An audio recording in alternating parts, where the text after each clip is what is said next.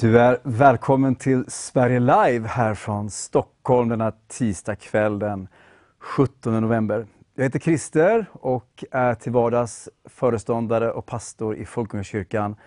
Men också programledare här på TV Vision Sverige och Sverige Live. Temat den här kvällen är Väckelse då och nu. En mycket spännande titel tycker jag själv och jag har spännande gäster. Alldeles strax ska ni få möta Olof Djurfält som under många år var chefredaktör på tidningen Dagen. Men också är bibellärare, författare och journalist. Ni kommer också att få möta Estelle, Estelle Sjödahl Lindell som den 1 juli mötte Jesus Kristus till frälsning och förvandling. Ni ska få höra hennes berättelse och vittnesbörd här under den här kvällen. Och sist ut ikväll så har vi den unga förkunnaren John Horgby. Och vi ska föra ett samtal om just förkunnelse, förkunnelsen av Kristus. Så följ med den här kvällen, en spännande kväll. Jag vill också uppmuntra dig att eh, skicka in bönämnen. Vi kommer i slutet av programmet kommer vi att be för bönämnen. Och du kan skriva i kommentarsfältet, du kan mejla in, du kan smsa också ringa in, så kommer vi att be för det böneämne som du har den här kvällen. Men först så ska ni få lyssna till John Horgby som delar ett Guds ord. Så varsågod John att tala. Tack så mycket Christer. Fantastiskt kul att få vara här i TV-studion ikväll. Jag är spänd och förväntansfull på vad Gud vill göra, att han vill använda oss, han vill, han vill tala till oss den här kväll. När jag åkte upp till Stockholm idag så, så bad jag och sökte Gud över vad han ville att jag skulle tala om. Um, och jag kände att Gud ledde mig till två ställen i Bibeln. Det första är ifrån Kolosserbrevets tredje kapitel. Där aposteln Paulus skriver så här i vers 1 och 2. Han skriver att om ni nu har uppstått med Kristus, sök då det som är där ovan, där Kristus sitter på Guds högra sida. Tänk på det som är där ovan, inte på det som är på jorden. Ni har ju dött och ert liv är dolt med Kristus i Gud. En fantastisk sak det är att få tro på Jesus, att få tro på himmelen. Att få tro att han är uppstånden, att han sitter på Gud, Faderns högra sida. Att jag får lita på honom, tro på honom och att jag där får se på honom.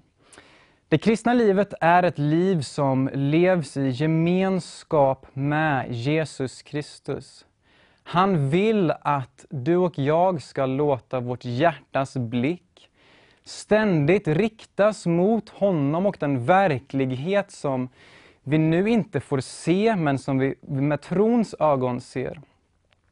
Så jag tror det är någonting som är väldigt viktigt i det kristna livet, att låta sig blicka mot Jesus, se på honom, att, att lyfta blicken mot något högre än den, den vardag man kanske eh, befinner sig i.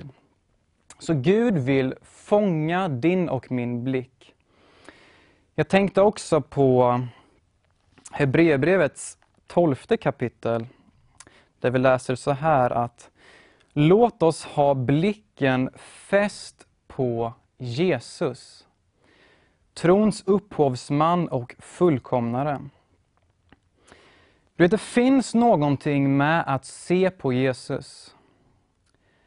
Att få ta del av den härlighet som, som bor i honom, som han utstrålar. Och den härlighet som förvandlar mig när jag tittar på honom.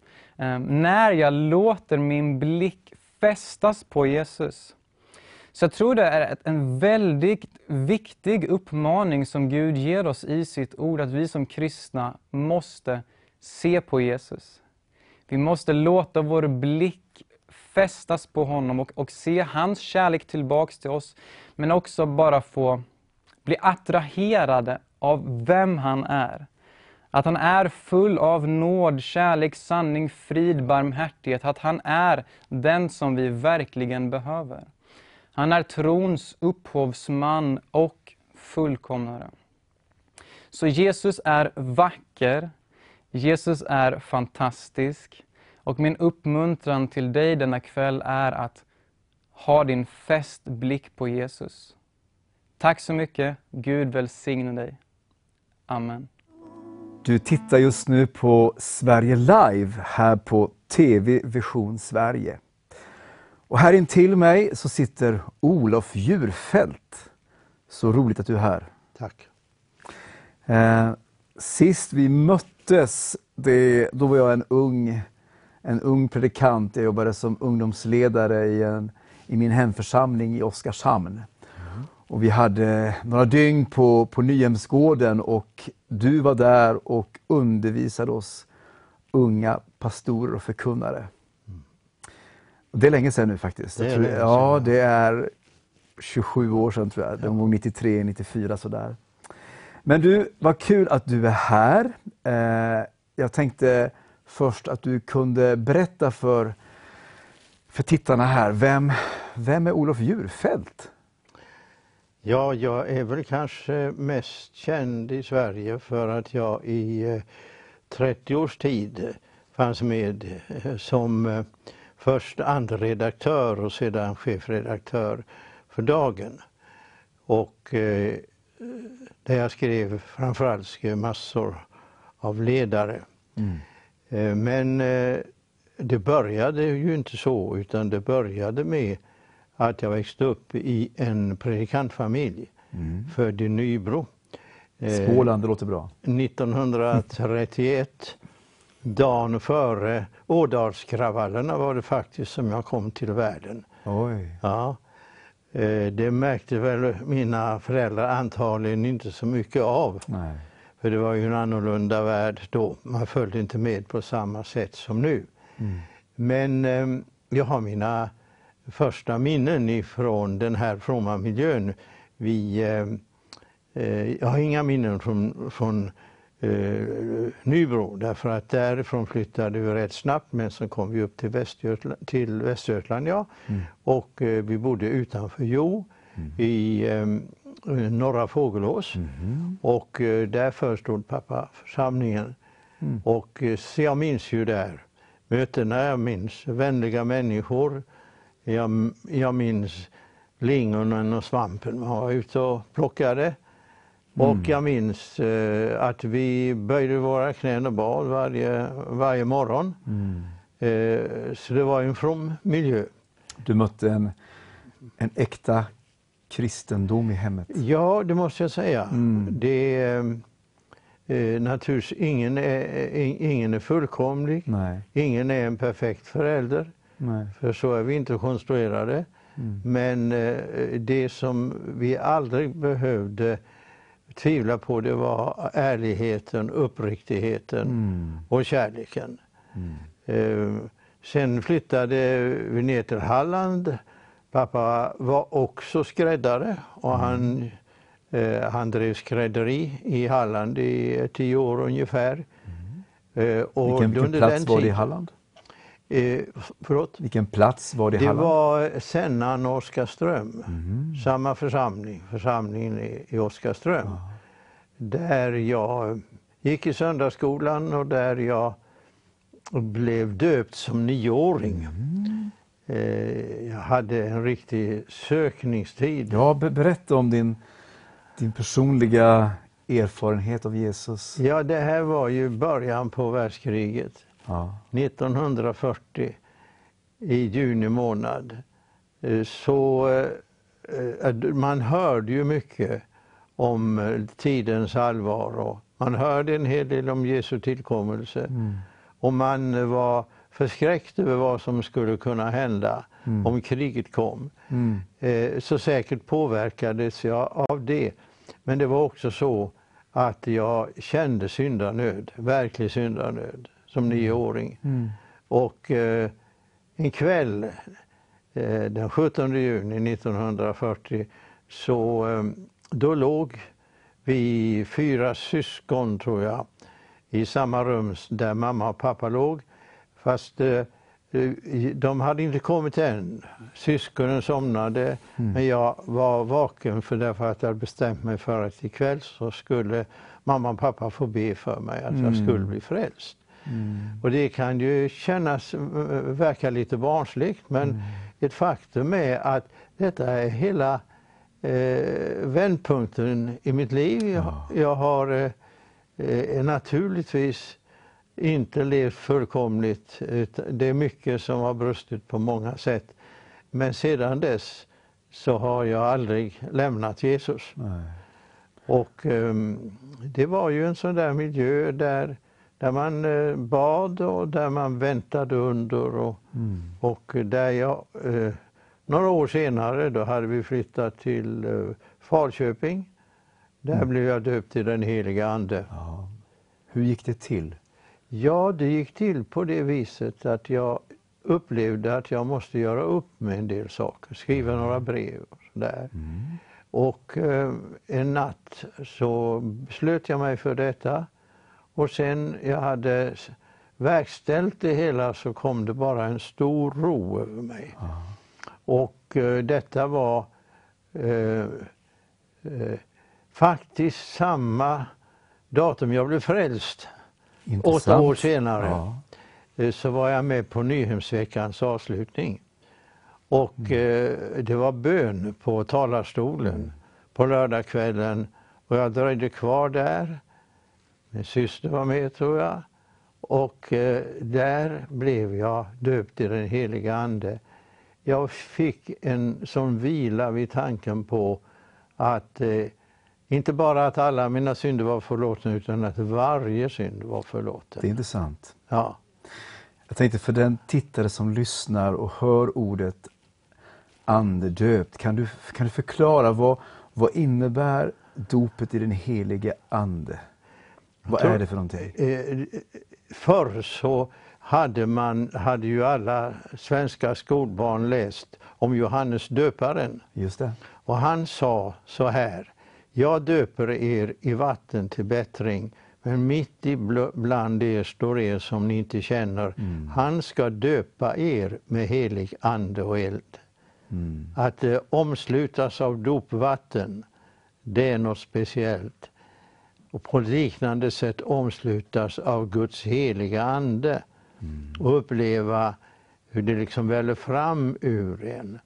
Eh, Jesus beskriver det, han säger att eh, den som tror på mig, Mm. eh, av hans innersta ska det eh, flyta strömmar av levande vatten.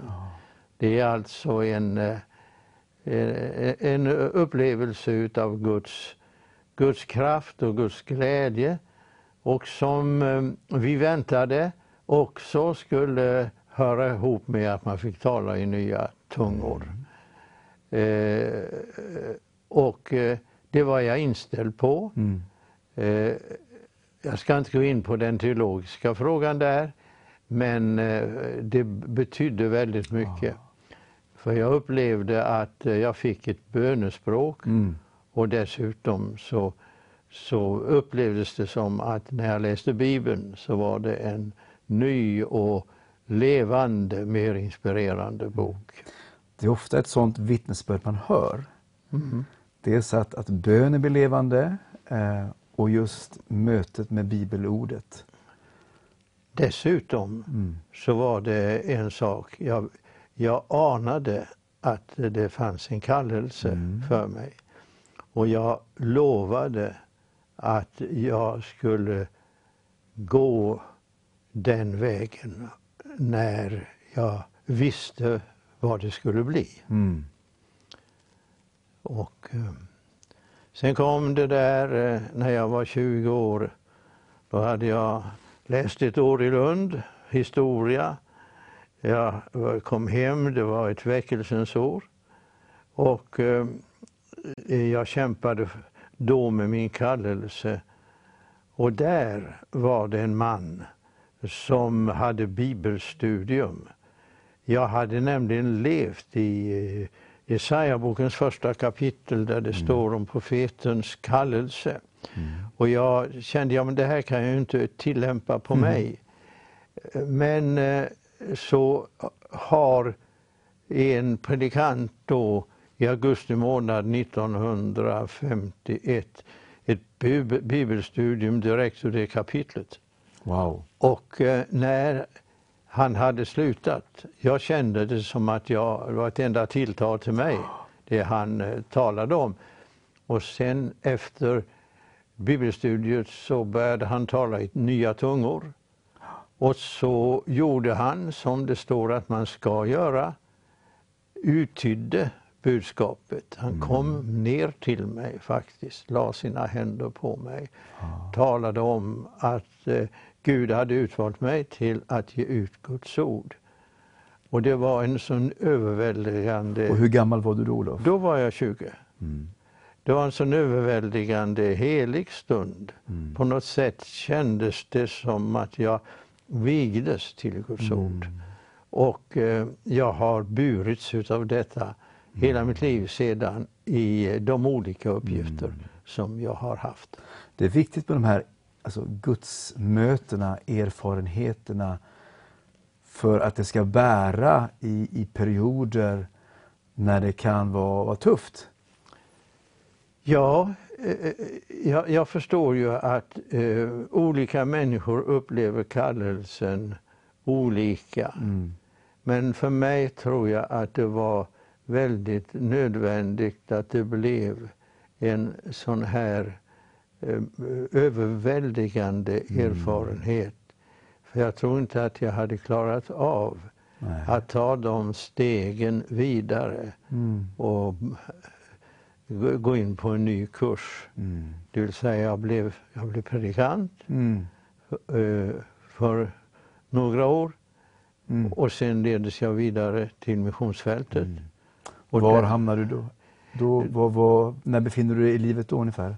Ja, då, det var alltså 1900, eh, jag var väl, eh, alltså när vi åkte till Belgien, Mm. eh, det var först kanske? 57-58 för att studera franska. Mm. Förbereda oss för belgiska Kongo och skolarbete där. Och ehm, sen kom vi ut dit eh, januari 1959 och så var vi där ute i tre och ett halvt år. Tre och ett halvt mycket formande år Mm. med ganska stormande erfarenheter utav ett land i, i eh, inbördeskrig och upplösning. Mm. Men ändå vi, vi såg Guds ledning och Guds hjälp. Intressant. Och lite av det som är vill säga, titlar, förutom då eh, missionär, så är du också då journalist. Ja, och eh, det hade jag ju aldrig tänkt mig. Nej. Nej. Eh, Men eh, eh, samtidigt så var det så att i Afrika så eh, jo, var vi helt inställda på att göra en insats för landet. Vi drev ju skolor, vi eh, undervisade massor utav ungdomar eh, i en tid då väckelsen bara fortsatte. Och i det sammanhanget fick vi också vara med om på skolan där jag arbetade så var vi med om en mycket märklig andeutgjutelse. Då eh, på en enda kväll var vi med om att över 70 blev, bekände sig ha blivit döpta i den helige Ande. Oj. Och detta efter en, eh, många, eh, ja, ett antal månader utav daglig bön. Och det blev för dem, tror jag, många av dem. Är det här mitten 60-tal? då, Där är vi på 1960, eh, nej, hösten 1959. Ja, ja. Det var innan Kongo Innan innan hade Kongo, fått sin självständighet. Ja. Men många av dem här har spelat en väldigt stor roll i den fortsatta utvecklingen Mm. utav eh, församlingarna i Kongo, Rwanda och Burundi. Så här ser vi av, av, av nyckeln, jag tänker på det, det andefyllda livet, alltså erfarenheter av den heliga Ande, är ju helt avgörande. Ja. Ja. Jag upplevde det så. Det är klart, jag, jag var fostrad så också. Ja. Min farfar blev eh, dramatiskt frälst när han var 23, 24 år tror jag. Ja. Varvad artillerist i Stockholm. Fick syn på en vacker röd sten Mm. vid Gardeskyrkogården nära Engelska kyrkan.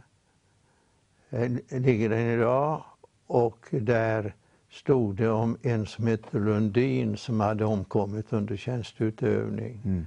Och den här stenen den talade ett allvarsspråk till honom och ledde till att han ett par månader senare lämnade sitt liv åt Gud i baptistkapellet Betel på Brunkebergsås. Wow.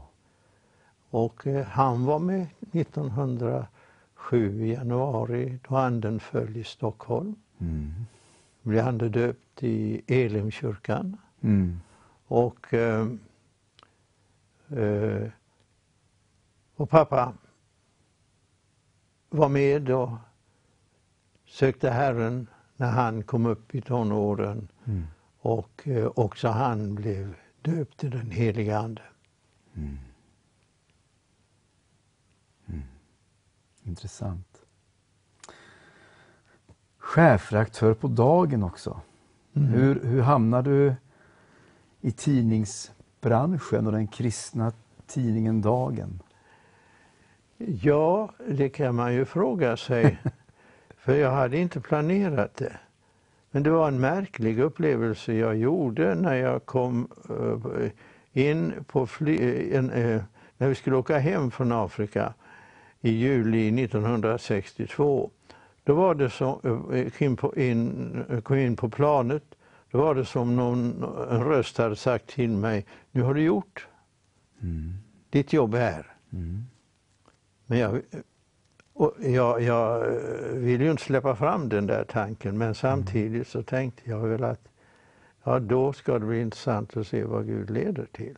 Mm. Och så visade det sig att det fanns eh, tankar hos sådana som hade följt mig och kände mig att jag skulle kunna passa bra in i dagen. Mm. I förlängningen så sökte man väl efter någon som kunde bli chefredaktör efter Levi Petrus. Mm. Men eh, det jag kallas till var ju inte det, för Nej. Levi Petrus var fortfarande verksam, Mm. fick leva nio, tio år till. Mm. Och, eh, men jag kom in som andra redaktör. Och när Levi Petrus eh, slutade sina dagar så bli, gick kallelsen som chefredaktör vidare till mig också. Mm. Så, ehm, eh, och jag, eh, jag stortrivdes med Mm. att vara på dagen. Mm. Att skriva ledare. Spännande. Det kan vara spännande att tala för stor publik. Men man skriver ju för en ännu större publik. Ja. Och eh, jag, eh, jag förstod att det här var, eh, efter, efter att ha prövat det mycket, Mm. mycket noga, så fick jag en sådan frimodighet att, alltså fick, fick jag frimodighet att, att eh, fullfölja och, och byta spår. Mm. Intressant. Du Olof, vi ska lyssna på lite lovsång och sen ska vi komma tillbaka och då ska vi... Du berörde 1907 din farfars erfarenhet av den heliga Ande och det som var vi säga, den, den tidiga pingstväckelsen i Sverige. Och vi ska återkomma till det och tala om, om väckelse, vad det är för någonting och förnyelser i Sverige, i svensk kristenhet och också nu i våra dagar. Men nu lyssnar vi på lovsång och eh, så är vi strax tillbaka. Du tittar på Sverige Live här på TV Vision Sverige. Vi vill be om ursäkt för att det är hackigt under lovsång. Vi ber om ursäkt för det, men vi hoppas att innehållet den här kvällen med gästerna, det, det överskyler det här tekniska problemet. Jag sitter här i studion med Olof Djurfält och vi har samtalat om ditt liv en del. Och något vi berörde i, eh, i förra blocket här, det var din farfars andedop 1907 i Elimkyrkan och det är ju faktiskt det är den församlingen som, som var med om det här, det här skeendet tidigt 1900-tal. Jag tror det var 1905 till 1912 som det var ett starkt skeende i Elimkyrkan. Det är det som är Folkungakyrkan där jag är pastor och mm. föreståndare idag. Så jag är, eh, är, tacksam för de andliga rötter som vår församling har i den tidiga pingstväckelsen. Jag tänkte att du skulle samtala. Jag vet att du har en enorm kunskap och jag har känt när vi har samtalat här inför det här programmet så har jag sugit ut mycket av din erfarenhet och din kunskap. Och det känns fantastiskt att sitta här. Om jag säger ordet väckelse, vad skulle du säga är en definition av en, en väckelse? En väckelse innebär, tror jag, framför allt att samvetena vaknar.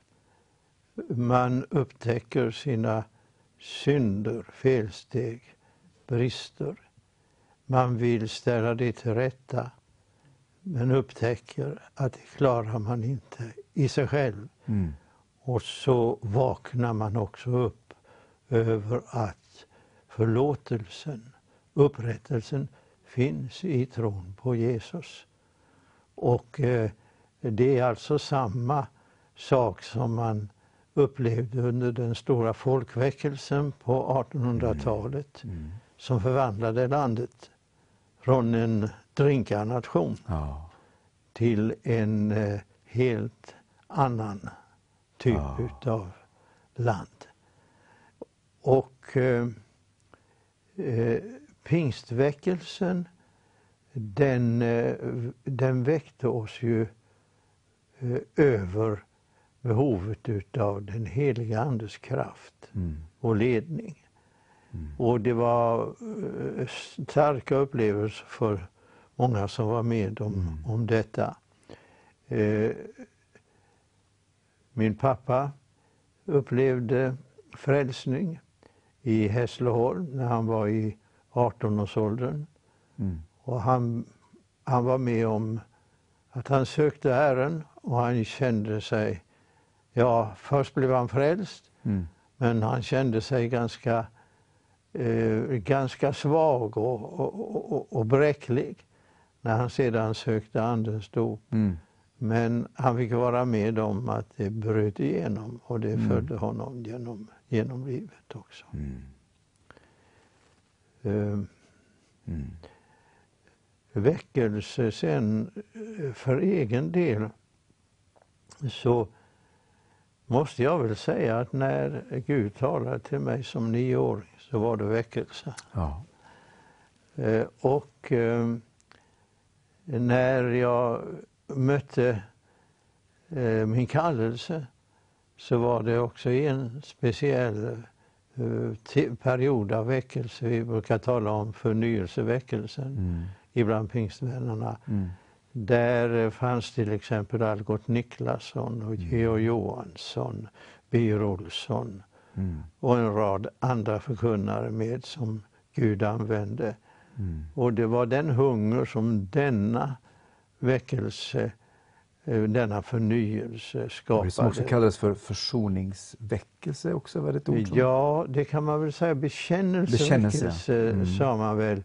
Och det var väl så att det var många som i eh, den här väckelsen eh, kände behov av att göra upp sånt som, som behövde göras upp. Mm i relationer trossyskon emellan och, och, och, så här. Så det, mm. det, det, var mycket utav det. Jag, eh, jag såg inte så mycket av detta men hörde mer mm. om det. Mm. Eh, och eh, jag tror att den där, den där väckelsen den kom ju på sätt och vis lite av sig. Var, det var inte samma brusande väckelse efter något år eller två. Mm. Men eh, det var en, en väldigt stark missionsväckelse samtidigt. Så det var många som i det där taget eh, svarade ja på Guds kallelse. Och eh, i våra sammanhang, eh, i, i pingsammanhang, så, så eh, kan vi konstatera att det var väldigt många som mötte Gud eh, som gick ut som missionärer Mm. under eh, de följande åren. Och sen kom det ju en, nästan en explosion Mm.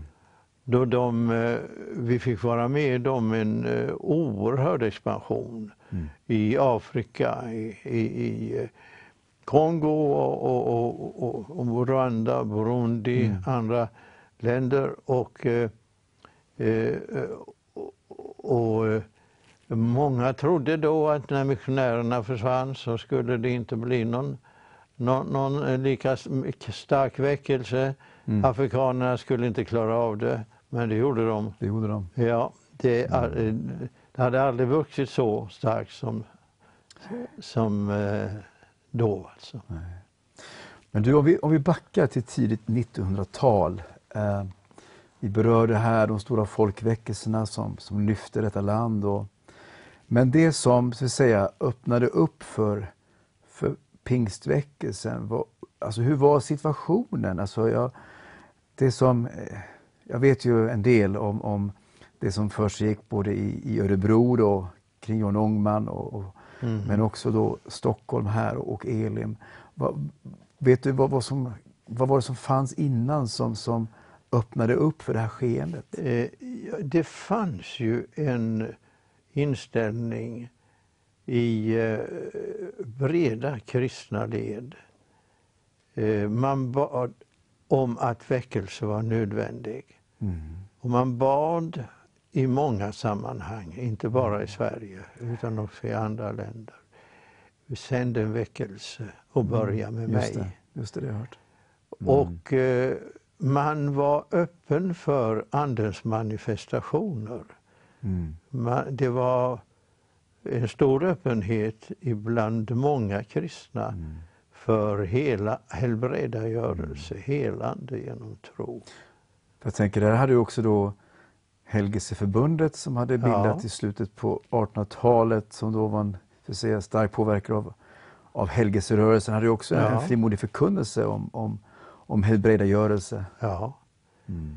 Eh, och det här, eh, jag tror sam, eh, och, sen, och sen fanns det då eh, det, eh, ett internationellt skeende som eh, kulminerade på något sätt 1906 Mm. borta i Los Angeles. Det är ett intressant skeende. Ja, och Ja. där fanns ju eh, det märkliga att en före detta negerslav Mm. Eh, han blev pionjären för Mm. denna rörelse och betydde Mm. mycket.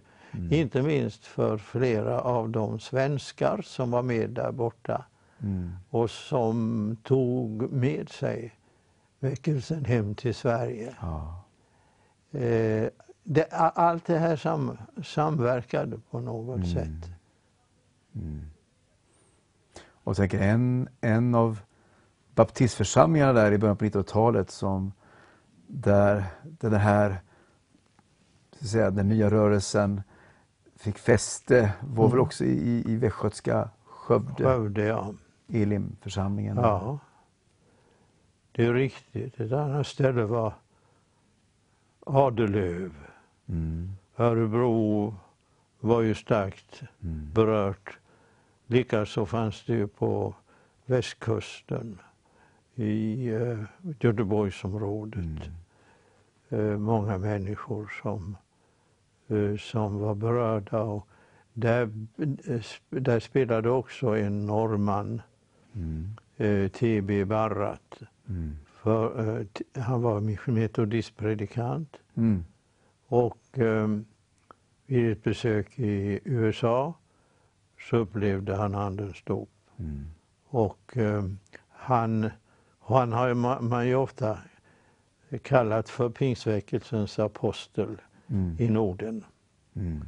Han betydde mycket tror jag för att, eh, eh, för att skapa en, en sund linje.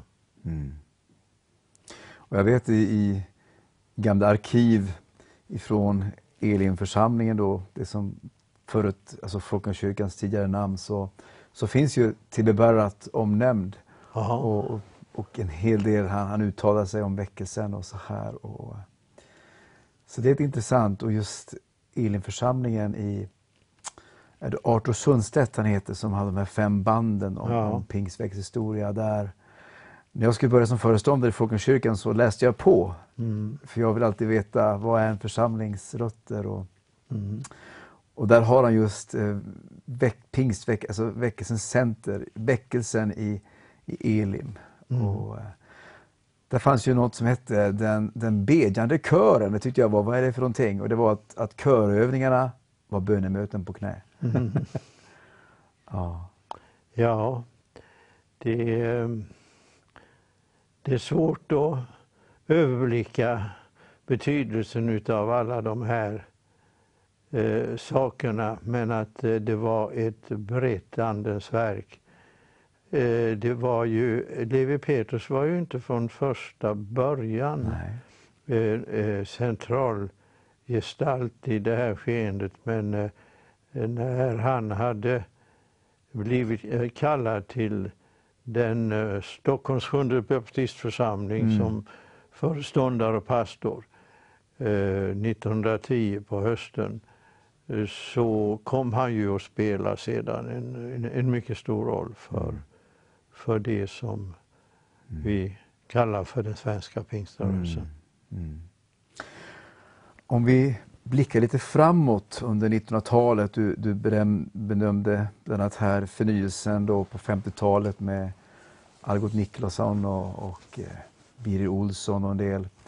Så kom ju också ett 60-tal. Jag tänker lite på, på med, med Jesusfolket som kom här och sen 70-talet med, med den karismatiska förnyelsen eller väckelsen och det som hände i de mera traditionella kyrkorna. Aha.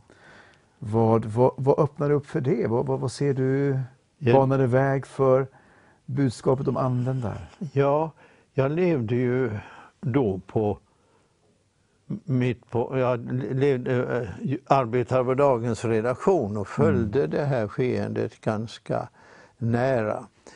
Det kom ju airlifts ifrån Amerika utav troende affärsmän Ja, som organiserade eh, möten i, i Sverige. Och eh, det, man, de blev ju med glädje mottagna i ett eh, antal olika församlingar. Mm. Och eh, sedan så eh, fanns det också, ja, det, vi, vi hörde ju mycket om vad som hände i USA parallellt. Och då var det ju så att eh, det, denna, att pingströrelsen, den nya pingsten så att säga, den ble, blev mottagen i, i mycket vidare sammanhang än eh, tidigare. Det var metodister, det var, eh, det, det var presbyterianer, det var anglikaner, det var lutheraner och till sist också eh, katoliker. Mm. Eh, Och eh, i, mitt i det här skeendet så befann sig en, eh, en pingstpastor, välkänd pingstpastor som he- hette David Duplessis som hade haft en uppenbarelse eller hade fått en, en profetia över sig Mm. om en mäktig andeutgjutelse som skulle beröra hela kristenheten.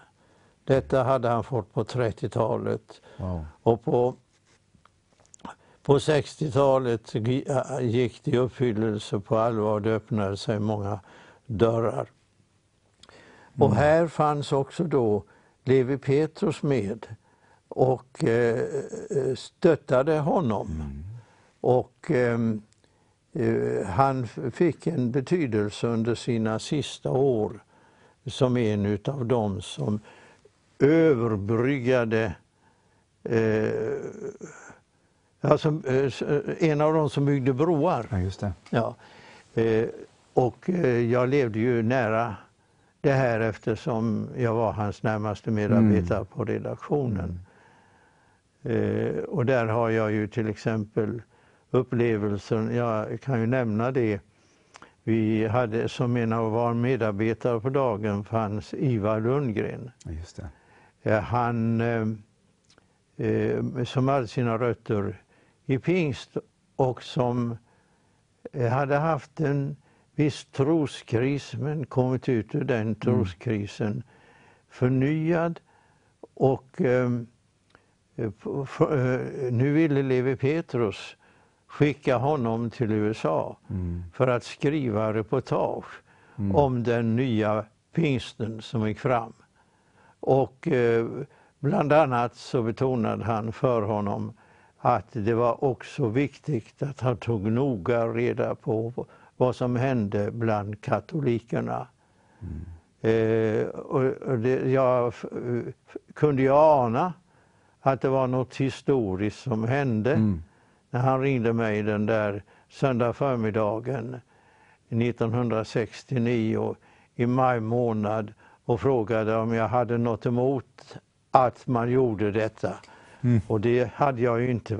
Utan eh, upp, man upplevde ju att man fick vandra i förutberedda gärningar. Spännande. Ja. Du Olof, vi ska göra ett break här och lyssna på lite lovsång och komma tillbaka och en stund prata om vår samtid. Skeendet nu, vad, vad gör Gud i Sverige? Vad, vad ser du? Men vi ska lyssna på lite lovsång och jag vill också uppmuntra dig att eh, du som önskar att vi ber, skicka in ditt böneämne så kommer vi i slutet av programmet be för det behov som du har. Nu lyssnar vi till lovsång. Du tittar just nu på Sverige Live här på TV Vision Sverige och jag sitter här med Olof Djurfält. Och vi har talat historia, vi har talat om ditt liv, vi har talat om både väckelsetider och förnyelsetider i svensk kristenhet här i Sverige. Nu är det 2020. Och jag tänkte att vi skulle samtala lite om, om, om Sverige, läget i Sverige, läget i de gamla frikyrkorna, eh, väckelserörelserna. Vi befinner oss mitt i en pandemi som världen inte skådat i modern tid. Vi hör eh, både premiärministrar, vår egen statsminister som, som, som talar med allvarsord. Och mitt i allt detta så finns Guds folk. Om vi nu koncentrerar oss på Sverige här och eh, utmaningen som vi har. Eh, hur tänker du kring, om vi börjar med, med, med skeendet i kristenheten. Vad, vad, vad är det du, du, du som har funnits med i många år, Olof, vad, vad, vad är det du ser? Eh, Jag eh, tycker att det största hoppet inom kristenheten det är att eh, det pågår en väldigt tydlig samling till, kring bön. Mm. Då man i olika kristna läger känner behov av att söka Herren för att klara av den situation som är idag. Vi har inte på länge känt oss så hjälplösa. Mm.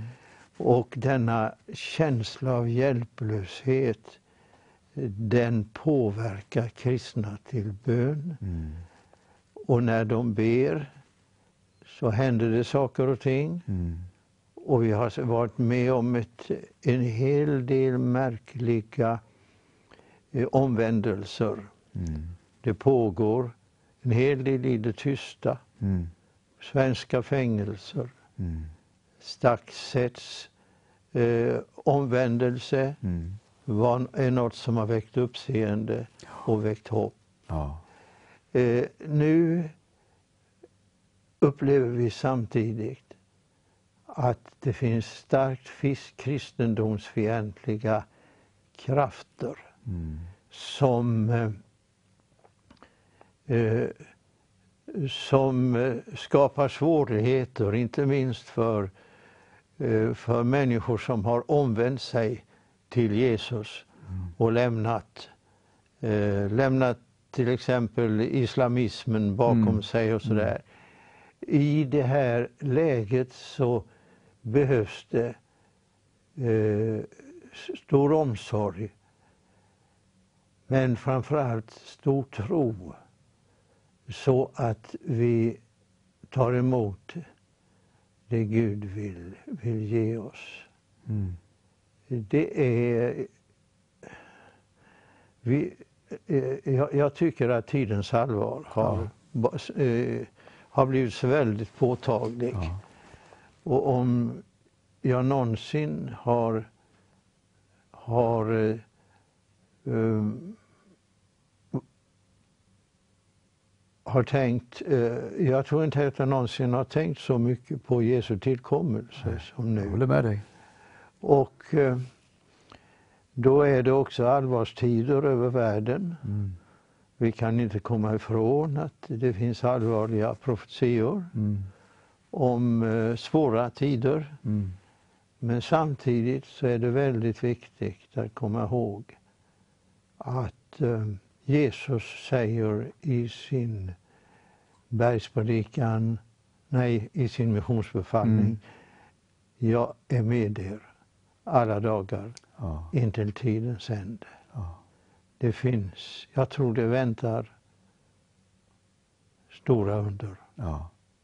Och det är så jag tänker också. Jag, eh, jag tror på en, en, en stor skörd. Mm. Eh, Inte för att jag är någon populist utan jag, precis som du är inne på, så ser jag också den här mobiliseringen av bön som Mm. går genom olika, alla kristna sammanhang och det finns en, en enhet kring, eh, kring Jesus namnet. En enhet kring, kring, kring Guds ord, Mm. Bibeln som Guds ord och en enhet kring den heliga Andes verk. Mm. Det jag sett och det här, det här för kristna samman ifrån olika sammanhang. Och sen har vi skörden. Jag tror på en, en stor skörd eh, och jag upplever själv jag satt i, i, på bussen i morse, jag skulle åka ner till, till pendeln och återigen så upplevde jag ett tilltal. Eh, förbered er. Och då kan man tänka, ja, förbered er, vi ska be, vi ska vara, alltid vara beredda på Jesu återkomst, men också förbered er för, för den skörd som Herren sänder. Och jag Mm. tror också att eh, det, det är en, en, en trasig skörd, men det, det är Herrens skörd. Mm. Eh, och, och en mobilisering av våra församlingar för att ta emot det som Herren gör i människors liv. Mm. Eh, till slut, här, vad skulle du se är den stora utmaningen? Vad, vad, vad ser du bekymrar dig i svensk kristenhet? Nu finns både du och jag i, i väckelserörelser och jag tänker på det breda spektrat av svensk kristen. Men vad- vi har hoppet, men också vad kan du se bekymrar? Som är ett, ett allvarligt bönämne för, för kristenheten. Jag vill eh, se en eh, förnyad bibeltro Mm. där det står klart för oss att vi har ett hel, att göra med ett heligt ord Mm. och en helig Gud Mm.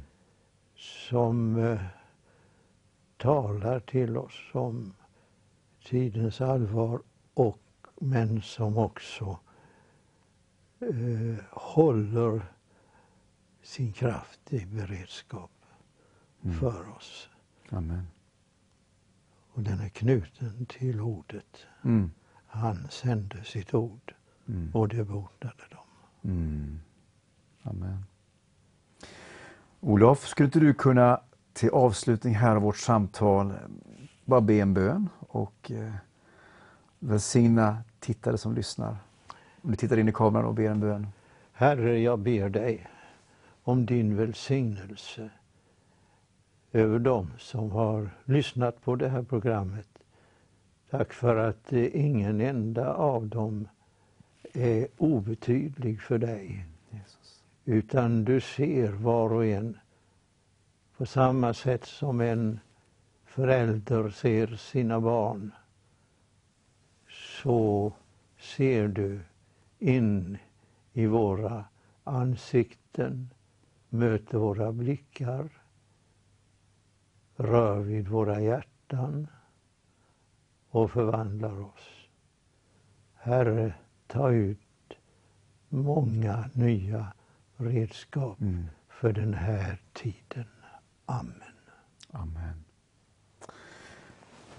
Tack Olof för detta samtal. Så fantastiskt roligt att du hade möjligheten att, att möta mig här i studion. Vi ska, lyssna, vi ska lyssna på lovsång här. Jag vill också uppmuntra dig som, som känner att du vill, du vill vara med och stödja den här eh, kanalen. Att eh, bli en partner. Det finns olika sätt där du kan vara med och stötta efter den förmåga som du har. Och, eh, det kommer komma upp nu här i, i din, på din skärm olika sätt som du kan eh, stödja med eh, via partnerskap, via ge en engångsgåva. Var med och, och stötta gott kristet tv-arbete som har en ambition att nå ut till, till svenskar som ännu inte känner Jesus. Nu lyssnar vi till lovsång och snart är jag tillbaka med min nästa gäst som är Estelle. Du tittar just nu på Sverige Live här på TV Vision Sverige. Och med mig i studion så har jag en ny gäst och det är Estelle Sjödahl Lindell. Eh, jag mötte dig första gången för, ja, det är ungefär två månader sedan, Mm. lite drygt, eh, då jag mötte dig. Eh, Och du är ett, du ska snart få börja dela en del saker, men du är ett, ett levande vittnesbörd om att Jesus Kristus är verklig.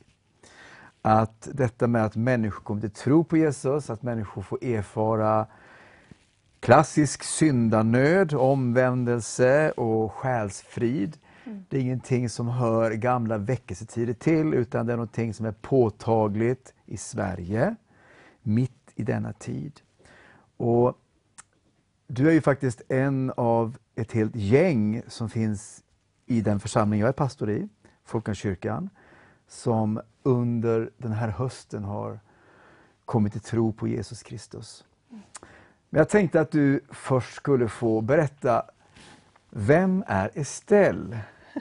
Var kommer du ifrån? Vad, vad, vad, vad sysslar du med till vardags och sådär? Så berätta. Eh, ja, jag Ja. heter Estelle, jag är 28 år.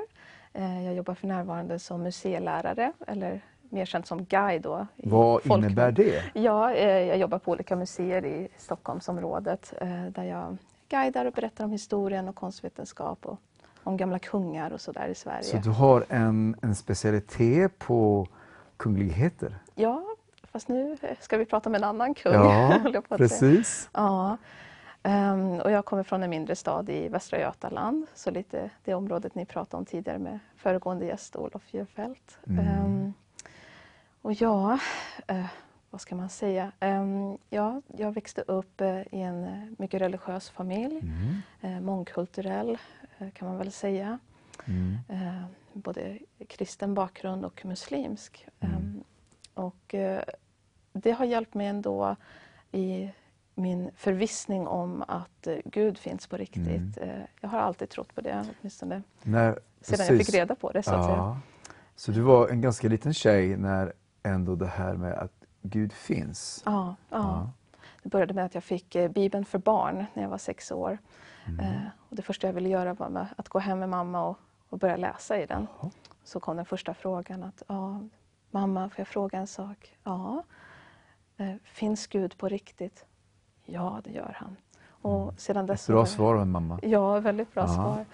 Eh, Så sedan dess har jag varit förvissad om att Gud finns. Ehm, Mm. Och ja, lite med den, eh, eh, den trygghetslinan i mitt liv har jag ändå Mm. vandrat. Eh, Grundtryggheten om att Gud existerar. Mm. Men sen var det ju lite jobbigt i min barndom eh, att växa upp i en mindre stad på 90-talet och 2000-talets början. Det var Mm. eh, en hel del rasism och mobbing. Mm. Och det grundlade hos mig tyvärr den sämre sidan, eh, en dålig självbild, eh, glåpord i skolan och sådär, eh, mobbing. Men det som var härligt då var att Gud blev den osynliga vännen som jag behövde. Att när vänner svek eller inte hade tid för att umgås eller ja, vi, tyvärr, du kan inte vara med oss i leken, vi är för många redan. Mm. Då fanns alltid Gud där och höll mig i sällskap. Mm. Ehm, Så även om du inte kände Gud personligen egentligen på det Mm. sättet som du gör idag, ja. så, så fanns han där. Mm, mm. Ja. Han var, Jesus var den där snälla personen och att man Mm. kunde fly in i Bibelns värld. Mm. Men tyvärr med tiden så eh, var det andra världar som lockade. Andra sorters sagovärldar, magins värld, Harry Potter och allt det där. Och, ehm, man kom ifrån det här lite. Mm. Men det som hände när jag var sju år ändå, tack och lov, eh, det var att jag fick... Eh, mamma läste i Bibeln för barn då om hur Ja. Jesus döptes. Och då frågade jag mamma, är jag döpt? Eh, nej, tyvärr. Så kan inte jag få bli döpt? Mm. Och så var det ju. I Svenska kyrkan fick jag döpas då Mm. eh, i ett sjukhuskapell när jag Mm. var sju år, vid Lucia-tiden. Eh, och det tyckte jag var ett självklart beslut. Och någonting speciellt hände faktiskt i, i samband med den här tiden. Mm. Eh, idag när jag vandrar i större förvissning om vem Jesus är Mm. så kan jag se tillbaka på det här minnet och tänka oj, hade jag mitt första möte med eh, den heliga anden Mm. eh, i så späd ålder. Intressant. Eh, det som hände var vintertid, jag tror att jag var sju, åtta år. Så satt jag och lekte på mitt rum. Eh, alla fönster stängda, alla dörrar stängda. Eh, väl isolerat hus. Mm. Jag satt där med en lite rolig frisyr, en lite Beatles-klippning då, page, lugg och allt det där. Ehm, och jag satt där och byggde med, med lego. Och så kände jag plötsligt att någon blåste mig i nacken. Mm. Och nu i efterhand så tänker jag att oj, det där kanske var det första kallet jag fick. Jag frågade mamma vad det var och hon undrade om det inte var heliga anden. Mm. Men med tiden så blev det som att det där föll i glömska. Mm. Mob- mobbingen blev överväldigande i skolan och det jobbiga. Det var något som pågick under flera år. Precis, flera Mm. år tyvärr. Mm. Och vid 12 års ålder, jag har ett sådant starkt minne av ja, ett, ett annat sorts minne som inte alls var kopplat till det här ljuset, kanske Nej. heliga ande, utan ehm, jag stod framför spegeln i hallen en, en morgon vid 12 års ålder då. Det var så kusligt för jag såg in i hallspegeln och så var det som en röst sa inom mig att eh, ja, du är så ful. Eh, och sedan dess så där kom mörkret in i mitt liv, verkligen, eh, på allvar. Var det sådana ord som hade Ja, talats in tidigare också Ja. i din själ? Alltså av, av, precis. Och nu blev det på något sätt en sanning Mm. när jag sa det till mig själv. Eller Mm. någon annan sa det i mitt huvud, men det var så verkligt. Mm. Så jag har både det här ljusa ändå, eh, där Jesus blir en sagovän, en, en, en, osynlig kompis när andra sviker. Mm. Men där de mörka orden ändå, den här fysiska Mm. världen blev det som tog över och jag började Och det ta började den dominera. självbilden. Det började, do, det började dominera mycket mer. dominerade precis. Eh, Så med åren så utvecklade jag ju en, en kraftigare och stadigare depression. Eh, Det gick i vågor som med mycket annat. Man har sina ljusglimtar i livet Mm. men eh, eh, överlag så var det väldigt mörkt i mitt liv. Mm. Och med tonåren blev det ju bara, bara värre.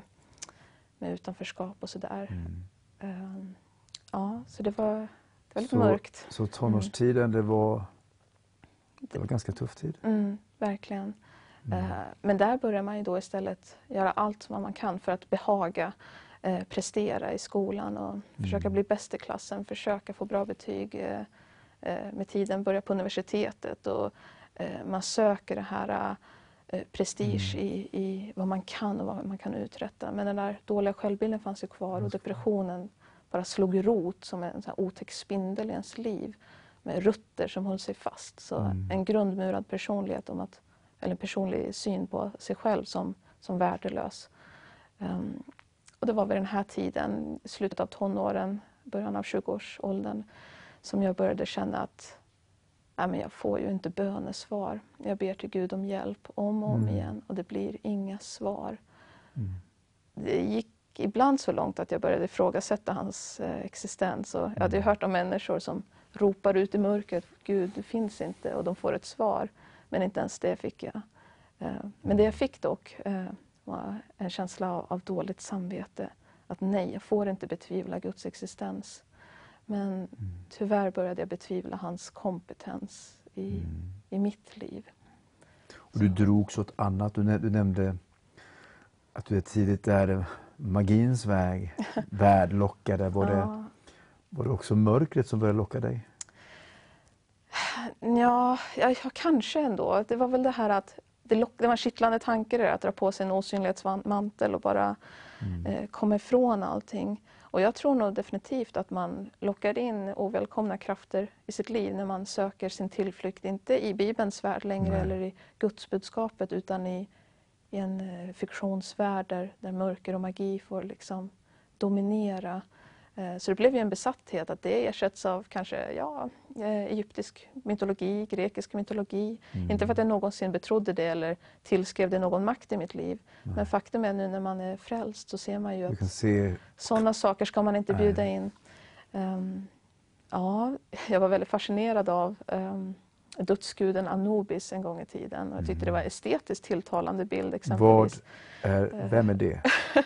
Eh, ja, det är väl mer känt som den här um, eh, hundliknande schakalen Just det, just det. med, med huvudet. Och han, jag tror att det var på riktigt också i, i det här samhället då att eh, det fanns de utstötta som sysslade med eh, balsameringsprocessen och att mumifiera de döda kropparna och läsa böner och besvärjelser över dem och deras själar.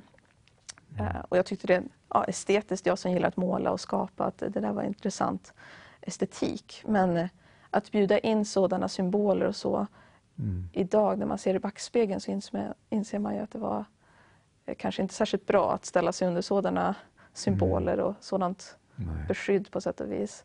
Märkligt. Och det var ju en, en okunskap och en, Mm. en andlig naivitet. Ja. Som, eh, och det är ju lite så som djävulen fungerar. Mm, Det mm. ska verka så oskyldigt Ja. och det snärjer. Och, Mm. eh, du nämnde innan här lite som en spindel, en spindel som liksom ja. Det blir den här fruktansvärda dåliga självbilden Ja. och att de här rös- rösterna man hör inom sig eh, där mobbarnas röster, liksom, Mm. det, det de säger blir sant. Det mest otäcka med det är ju att det är ens egen röst som säger det. Så det blir ju bekräftelse på bekräftelse att det måste vara sant. Det blir Eh, något av ens identitet när det är en själv som Precis. talar ut det. Precis. Så den här erfarenheten som 12-åring där du står framför spegeln, Mm. blev det mer av det? Ja, definitivt. Så sedan Ja. den tiden, jag brukar säga att det var då jag kände att jag var eh, i grunden ledsen. Att man, man grundlägger liksom Ja. i jorden ett lager av sorg. Sen kan man ta ett tunt lager av glädje när man flyr verkligheten med film och Mm. eh, de här sagovärldarna. Men, men generellt, jag är ledsen. Jag, jag är en ledsen person. Och det var det jag kände redan då. Att livet är inte värt att leva. ehm, det är en hållplats. Eh. Och det, alltså, det är ju inte en ledsen person som är min bild av dig idag. Och vi ska komma till det senare här, Mm. om vändpunkten i ditt liv. Men, men jag tror att det du delar, alltså, jag har varit pastor i många år, Mm. och mött många människor, Mm. hört många berättelser och du är inte ensam. Mm. Eh, just av de här orden som människor uttalar som ibland faktiskt är rent demoniskt. Mm. Hur det bara borrar igenom själ. Mm. Eh, Jag kommer för många år sedan en person som hade förföljts av ett ord och det var ordet skräcködla. Ja. Och det var ett ord som hade uttalats över den här kvinnan Ja. som en, en liten flicka. Och nu när hon var uppe i 40-årsåldern så var det det ordet som fortfarande fanns där. Skräcködla. Mm. Mm. Det, ja. Det, det, det, är- liksom så kusligt att veta att man har varit med om det här. Ja. Att det är så många som delar den erfarenheten Ja. av, av känslor av eh, total eh, värdelöshet. Mm. Att man, man saknar värde. Att andra personer kan man Mm. pigga upp och, och trösta och uppmuntra. De har ett värde, men jag själv, Mm. nej. Eh, att man Så det, det är nu som, som kristen Guds barn, ljusets barn, Mm. så är det så att du idag kan se att mycket av det som du drogs in i var mycket av, av, av djävulens verk, vad han gör. Jag tänker på djävulens agenda. Är, Mm. Jesus säger att djävulen är en tjuv Mm. Mm. som stjäl, Definitivt. slaktar och dödar. Och, vad... Mm. och det här, du, du nämner 20-årsåldern och så här, men det här avtar inte. Du, du läser, du, du, vad läser du för utbildning på gymnasiet? Eh, det var estetiska Ja, det eh, linjen bild och form. Ja. Ja, Så jag, jag målade ju mycket och sådär och det blev ju också en, en, En- värld man flyr in i. flyr ja. Vad det- var mycket av motiven som du målade? Eh, ja, det var ganska mörka saker, inte sådär uh, otäcka bilder kanske, Nej. men sorgsna ansikten, sorgsna Mycket människor. själens... Ja, Du målade vad, vad din själ var, var liksom ja, ja, men definitivt. Och så. fylld av. Allvarliga människor, allvarliga ansikten. Och det är märkligt för att jag har ändå det här, ett barndomsminne från, från barndomstrons dagar när jag satt och målade vid köksbordet och var glad Mm. eh, vid sjuårsåldern. Att, och så säger jag till mamma lite snusförnuftigt sådär att eh, ja, Gud och jag har så mycket gemensamt. Vi tycker båda om att skapa. och det är, Det är så bra. trist då att, att fienden Ja, så gärna ja. använder de gåvor som Gud har gett den till någonting mörkt. Det, det, det Ja. är så sorgligt och på sätt och vis naivt att man inte ser det. Men det är ju den stora okunskapen. Mitt folk förgås av, av okunskap. Och det är så jag känner att mitt liv ändå har kantats av, av den ytliga kunskapen om Mm. eh, historia och mytologi Mm. och världen. Nog för att det kan vara intressant men någonstans så är det ju Mm. den, den viktigaste sanningen. Eh, det är den han delar med sig till de, till de enkla. Ja, Och det är dit vi måste tillbaka. precis. Mm. Jag tänker här innan vi ska ha ett break, lite lovsång, så vill jag ändå... Vi berör det här, du berörde 20-årsåldern och sen det går ett antal år fram tills din omvändelse här och som vi ska beröra i nästa block. Men vad, om du beskriver de här åren, alltså från 20-årsåldern och till din omvändelse, vad, vad, vad Ja, nattsvart. ja, Eh, oerhört depressivt. Eh, självmordstankar, självmordsförsök. Oerhört ångest. Och bara en, en akut och beständig vilja att bara avsluta allt och fly. Att det bara ska ta slut. mm, eh, i åtta år av det kompakta mörkret. Fruktansvärt. Fruktansvärt mörkt. det känns som stulna år på något sätt. Mm, definitivt. Och det är precis det rätta ordet. Jag har känt mig bestulen på så mycket. Men Mm. tack och lov, nu kan man se tillbaka på det med förlåtelse. Mm. Men det är ändå många år som jag har levt åtskild från Herren. Mm. Eh, som jag kunnat nyttja till så många bra saker. Mm. Men bättre än sent än aldrig. När Gud har en plan kanske. Men, Ja. ja. Just det här ordet, bättre sent än aldrig. Jag kommer att tänka på en, en man som, han kanske tittar på det här programmet, eh, som, som mötte Jesus som 79-åring. Han var pastor i Motala och han, han hamnade på på vittnesbörd kom han till baptistkyrkan när jag var pastor då. Mm. För att en, en, en kvinna han kände hade vittnat för honom om att hon blivit helad. Och han hade ett stort behov av, av helad i sitt inre. Så han bara måste till den kyrkan och han hade bokat tid faktiskt för, för förbön.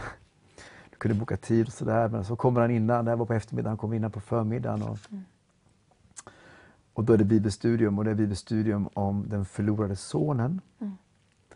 En berättelse som Jesus har om en förlorad son som kommer hem till pappa och det blir fest. Mm. Och där sitter han eh, och lyssnar på det, det här bibelstudium. Och under studiet så får han en tilltro till Jesus och efter studiet så omvänder han sig. Mm. Och så säger han så här att det, att det skulle ta så många år. Mm. Han hade som liten pojke gått i söndagsskolan i baptistkyrkan i Motala. Och, eh, och så vid 79 års ålder så omvänder han sig. Och, och så säger han, men det är bättre sent än aldrig. Mm. Och så berättar han för mig så här, eh, något år efter omvändelsen också, kan det bli bättre än så här? och, och då var det som att alltså, Jesus hade kompenserat så mycket av det som hade Mm. varit, Mm. även hade varit en framgång på många, många sätt i hans liv, så hade det ändå varit ett, en, en tomhet. Och, men han mötte Jesus. Mm. Och, eh, vi ska alldeles strax komma tillbaka för vändpunkten, vändpunkten kommer. Mm. Ehm, och du ska få, få dela med oss vad, vad som hände och, och vägen till det. Jag vill också säga till dig som, som lyssnar att vi i slutet av programmet kommer be. Och är det så att du ser på det här programmet och du, du blir berörd av, av Estelles berättelse, att det berör ditt liv, så vill vi gärna komma i kontakt med dig. Du får då eh, mejla oss så vill vi komma i kontakt med dig och, och få hjälpa dig kanske till en, en kristen församling, kontakt med en pastor. Vi tror att, att det är faktiskt många i vårt land som, som har liknande erfarenheter som Estelle. Men det finns hopp. Det finns hopp för varenda människa, därför att Jesus Kristus är hopp. Vi lyssnar på lovsång och är snart tillbaka där vi fortsätter att samtala, jag och Estelle. Jag sitter här i studion i Stockholm och eh, med min gäst Estelle. Eh, I förra blocket här så delade du om ditt liv. Och nu är vi framme vid 28 års ålder ungefär. Ja. Eh, din väg till tro har jag skrivit, omvändelse, den långa versionen har skrivit. Ja, Eh, Men alltså, det här då, du befinner dig i djupt mörker. Mm. Kompakt mörker på ett sätt. Men om du kan berätta, vad händer? Och, och, och vägen till liksom att, att, att Jesus griper in i ditt liv. ja. ja, den långa versionen då. Ja. Um, ja, vid 20 års ålder när man tar studenten och börjar sitt eget liv, flyttar hemifrån, studerar på universitetet. Det är ju ett brott även i, i familjen och relationer och man går vidare, liksom rent bokstavligt talat ett nytt steg Mm. i livet. Och där börjar ju nu min hetsjakt på att klara mig själv. För eh, har man blivit sviken av, av Gud i sina böner under Mm. tonåren, då kan man lika gärna bli svikt av, sviken av sin familj. Mm. Eh, Så jag börjar jaga det här prestige i studierna. Ständigt dessa högskolepoäng, ständigt dessa examina. Djupare in i kunskapens värld. Allt för att, eh, för att bevisa mig värdig. Att där jag blev i barndomen då mobbad för ja, mitt utseende. Eh, Jag blev kallad ditten och datten som blev nu ett, ett självvärde som jag Mm. erkände som en sanning. Mm. Eh, ful, eh, tjock, eh, svartskalle, alla möjliga Mm. fula rasistiska ord. Mm. Kille till och med. Allt gör jag då eh, i vuxen ålder, då, 20-årsåldern framåt, eh, för att bevisa mig värdig. Att kan jag inte kompensera med mitt utseende, då kan jag kompensera med mitt inre, med mina studier, med, med min personlighet. Och då börjar man utveckla en falsk känsla av självförtroende och bara bygga upp det här, jag kan mycket, jag är duktig. Eh, och sedan också försöka liksom, eh, ja, ätstörningar och liksom att man förnekar sig själv livets eh, Mm. gåvor som Gud ger. Och nu har jag lagt måleriet åt sidan helt och hållet. Det skapande arbetet helt åt sidan. Nu är det bara studier. Och det ska fram som det här tåget, bara tuffa på. Och jag mår värre och värre. Och det är självmordstankar och det är ångest och det är ensamhet och det är ekonomiska svårigheter att klara studentlivet och att känna sig älskad, hitta någon att älska en. Mm. Och då börjar jag uppleva, falskeligen, men jag, likväl så upplever jag att min familj förstår mig inte. Det är eh, sådan akut smärta i mitt liv och de vägrar se, de vägrar erkänna sin del i det här. Eh, För deras del blev ju mer och mer i mina egna ögon att de vill inte lyssna, de vill inte förstå, de vill inte höra på när jag berättar om när jag är ledsen. Ehm, Och då blir det till slut att jag börjar bejaka det som en sanning, att de är personer man inte kan lita på. Mm. Jag börjar träffa eh, ja, samtalsterapeuter och eh, ta mediciner för depression. Mm. Och det här är i ja, eh, 24-årsåldern och framåt. Så Mm. börjar jag äntligen ta tag i det här depressiva. För nu har jag försökt begå självmord, skadat mig själv på alla handa sätt. Mm. Ehm, men ingenting hjälper. Jag träffar min nuvarande man, som Mm. blir min pojkvän. Och han är ju ett stöd för mig, ett oerhört stöd för mig. Men inte ens han kunde förstå. Och det är lite skrämmande nu att säga det här i, i tv inför hela Mm, förstår. svenska folket, håller jag på att säga. Men Mm. jag säger det inför dig och inför Jesus. Att, Mm. eh, när vi bråkade så kunde han ibland säga att det var som att han såg djävulen i mina ögon. I mina vredesutbrott som utvecklas, min ilska, min frustration, min känsla av att vara så fruktansvärt sviken. Och jag ropar i mina böner fortfarande förgäves till Gud. Varför hjälper du mig inte? Finns du än? Svara. Och inte ens där, det var en sån här måltystnad där. Jag önskar att jag i yngre år hade fått lära mig om min del, mitt ansvar i korset. För det var som att under alla dessa år och min lilla magiska fantasivärld och min magiska studievärld och min mm. egocentriska värld där jag mådde så dåligt och var så jagad av dessa demoner. Jag önskar att någon hade berättat för mig att det som låg mellan mig och vägen till frihet, det var min stora synd. Mm. Det här stora tjocka lagret av, av stenbumlingar som jag mm. inte såg. Mm. Och det här eh, självmordslängtan den var väldigt stark under dessa år och jag skadade mig själv. Och jag är så tacksam att Jesus fick min pojkvän att hålla i mig. Oj, han mm. kunde ha lämnat så många gånger men han höll sig kvar och det är tack vare Guds försyn. Och nu känner jag mig i, ja, det gick så långt vid 26-27 eh, års ålder att jag var villig att klippa bandet med min familj för alltid. De här samtalsterapierna mm. som att ta avstånd från familjen, de förstår ändå inte. Och det var ju det jag gjorde, min naivitet. Mm. Det här materialistiska synsättet att jag har en mental sjukdom. Mm. Det finns ingenting att göra åt den och min familj förstår inte. Alltså ska jag ta avstånd. Det var det jag liksom mm. hjärntvättades med. Mm. Eh, så jag var, det var så långt att eh, jag skulle bryta kontakten med familj mm. och vänner. Um, så kommer ja, mars månad 2020. Mm. Coronapandemin är ett faktum. Mm. Sverige är drabbat, Europa är drabbat. Det var inte bara någonting man skojade om på nyheterna långt, långt borta. Utan nu har det kommit till Sverige. Och jag har personer i min närvaro, i min närmaste krets som tillhör riskgrupp. Mm. Och jag som är väldigt vetenskapligt lagd, åtminstone då, eh, jag inser ju faktum att om jag går ut på kollektiv, eller i kollektivtrafiken, mm. om jag sätter mig på tunnelbanan eller bussen och någon hostar på mig, då kommer jag smitta min familj, jag kommer smitta dessa riskgruppsmedlemmar. De kommer bli sjuka, garanterat, och de kommer att dö. Det var en del av den här um, sanningen som jag tutat i mig själv under mm. dessa depressionsår. Man utvecklar katastroftankar under depression, allting är fruktansvärt kaos på insidan. Och visst, även om man blir en mästare på att dölja sina känslor för utomstående mm. så är det oerhört kaos på insidan. Och när då mars kom 2020 mm. eh, då mådde jag så fruktansvärt dåligt, fruktansvärt dåligt och hade kraftig ångest för det här.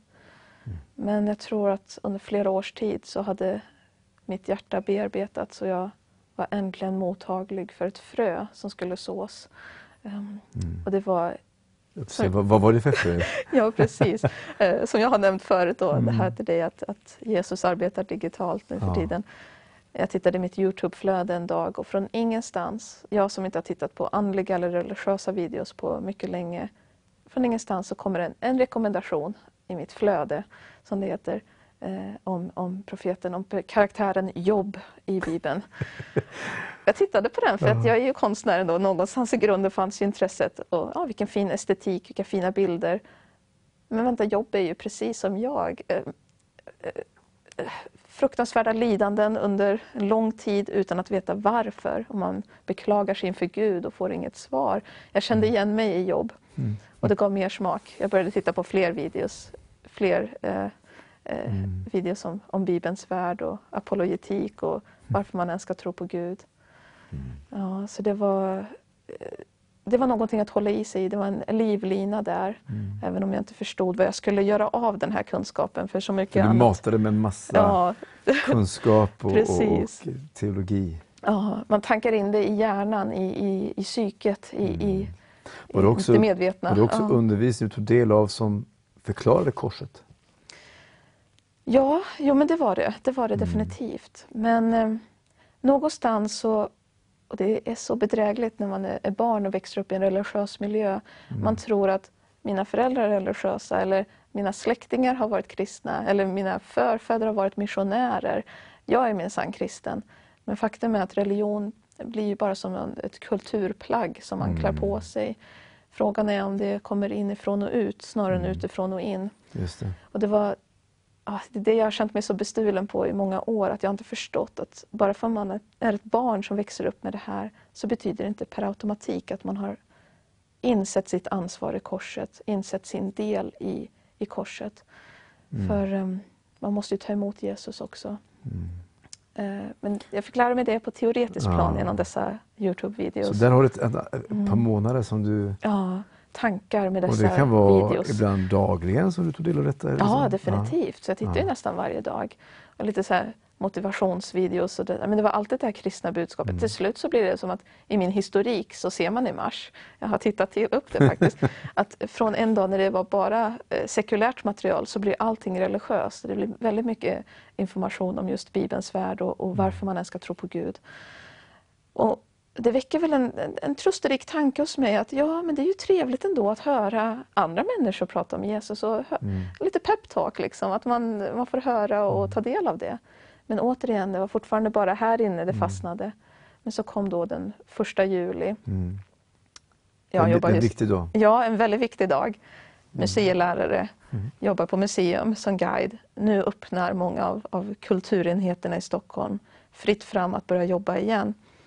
Och jag blir kallad till min arbetsplats tillsammans med kollegor. Och kvällen innan utvecklar jag en kraftig ångest. Åh nej. Jag började ju nästan bli van vid den här eh, karantänen, att man isolerar sig själv. Jag kan inte åka till jobbet denna sträcka. Jag kan inte sätta mig i tunnelbanan för då kommer det mina närmsta att bli sjuka i corona. Det här går inte. Så natten till den första juli så har jag kraftig ångest, kan inte sova, man är kallsvettig och jag vaknar med fruktansvärd oro på morgonen. Men då händer det någonting. Då börjar den här kunskapen från månader av Youtube-tittande Mm. eh, kicka in. Och jag vågar säga till Jesus att eh, snälla Herre, kan inte du bara ta denna oro ifrån mig? Kan inte du hålla koll på den ett tag? Så, så går jag och tar en dusch. så det var, eh, det var det som hände på morgonen. Ehm, och sedan kom jag ut då, redo och klar för dagen och jag känner mig lugn. Det känns bra. Och då tänkte jag, wow, blev jag bönhörd där? Vad trevligt. Och med den här energin går jag till jobbet. Och med den här energin klarar jag av dagen och tunnelbanan. Jag är inte så orolig längre. Men så kommer jag hem. Och fienden har inte gett upp. Jag kommer hem från jobbet och då händer det ju någonting eh, ganska allvarligt. Jag köper hem mat till min pojkvän för jag vill vara snäll. Mm. Och konkar hem med de här tunga lådorna och väska och, och lite trött i ryggen efter en lång dags eh, introduktionsdag på, på arbetet. Jag ringer på dörren för jag vill att han ska öppna dörren åt mig och ja, ingenting händer, ingen öppnar och rädslan börjar stiga inom mig. Jag lyckas låsa upp dörren ändå och nästan tappar de här varorna jag har i armarna. Och jag drabbas av en sådan vrede.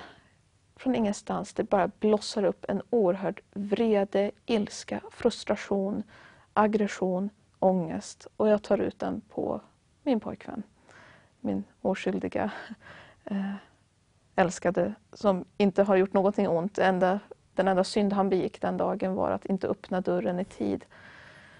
Och jag, ah, jag får ett utbrott som vanligt. Och jag tänker, den där friden jag fick i morse, det var väl ingenting bortblåst i den. Mm. Bönhörd blev jag verkligen det. Men då hände det någonting. Istället för att göra det sedvanliga som jag, jag brukade göra under min djupa depression, kasta saker, vara arg, skrika okvädingsord mot någon som älskar mig, förolämpa ehm, och springa ut, ut, ut till min favoritplats där jag många gånger har velat ta mitt liv. Mm. Så det jag gör är ändå att det är med en behärskad form av vrede jag springer ut i trapphallen. Mm. Men till skillnad från alla andra gånger så stannar jag i trapphallen. Och det har jag aldrig gjort förut. Och jag bara står där och andas. Hopp. Mm, knutna nävar. Men det är någonting outsägligt som driver mig tillbaka och jag drivs in i lägenheten igen och jag står där och andas argt. Men då är det den där rösten som kommer och nu är det en röst som talar, inte den där tolvåriga rösten framför spegeln utan nu är det en annan sorts röst som säger stanna. Du måste be om förlåtelse och du måste mena det. Just det. Omvänd dig. Repent. Repent. Eh, Och det, jag förstod inte det. Jag tänkte att ja, men, vad falskt. vad nu? Och det första jag gör då är att säga förlåt till min pojkvän. Förlåt då. Och ja, jag menar det. Ursäkta. Jag, jag trodde någonting allvarligt hade hänt och att det var därför du inte öppnade dörren. Förlåt. Och han säger, ja men förlåt mig. Jag borde ha öppnat snabbare. Jag går och lägger mig på sängen i sovrummet. Och jag börjar be om förlåtelse till, till Jesus. Här har han gett mig eh, det enda ljuset i mitt liv. En älskad, en älskad man som älskar mig för den jag är. Och jag behandlar honom som en ja, värsta tänkbara. Och jag börjar be om förlåtelse. Och jag tackar för den gåva som han har varit genom åren. Och jag tackar för allt det goda han har gjort för mig. Och jag ber om förlåtelse och jag menar det. Jag är så fylld av bitterånger. Jag blir rörd när jag säger det nu. Ja, jag känner också det. Ja. Ehm, Men som sagt, som jag har berättat för dig förut Christer, att då var det till slut som att jag var klar. Jag kände att det var det här att be om förlåtelse, det var över. C'est fini. Nu kan jag gå vidare. Jag kände på något sätt att det var klart. Mm. Och jag började förstå lite grann vad det betydde det här att, att ta sitt ansvar i korset.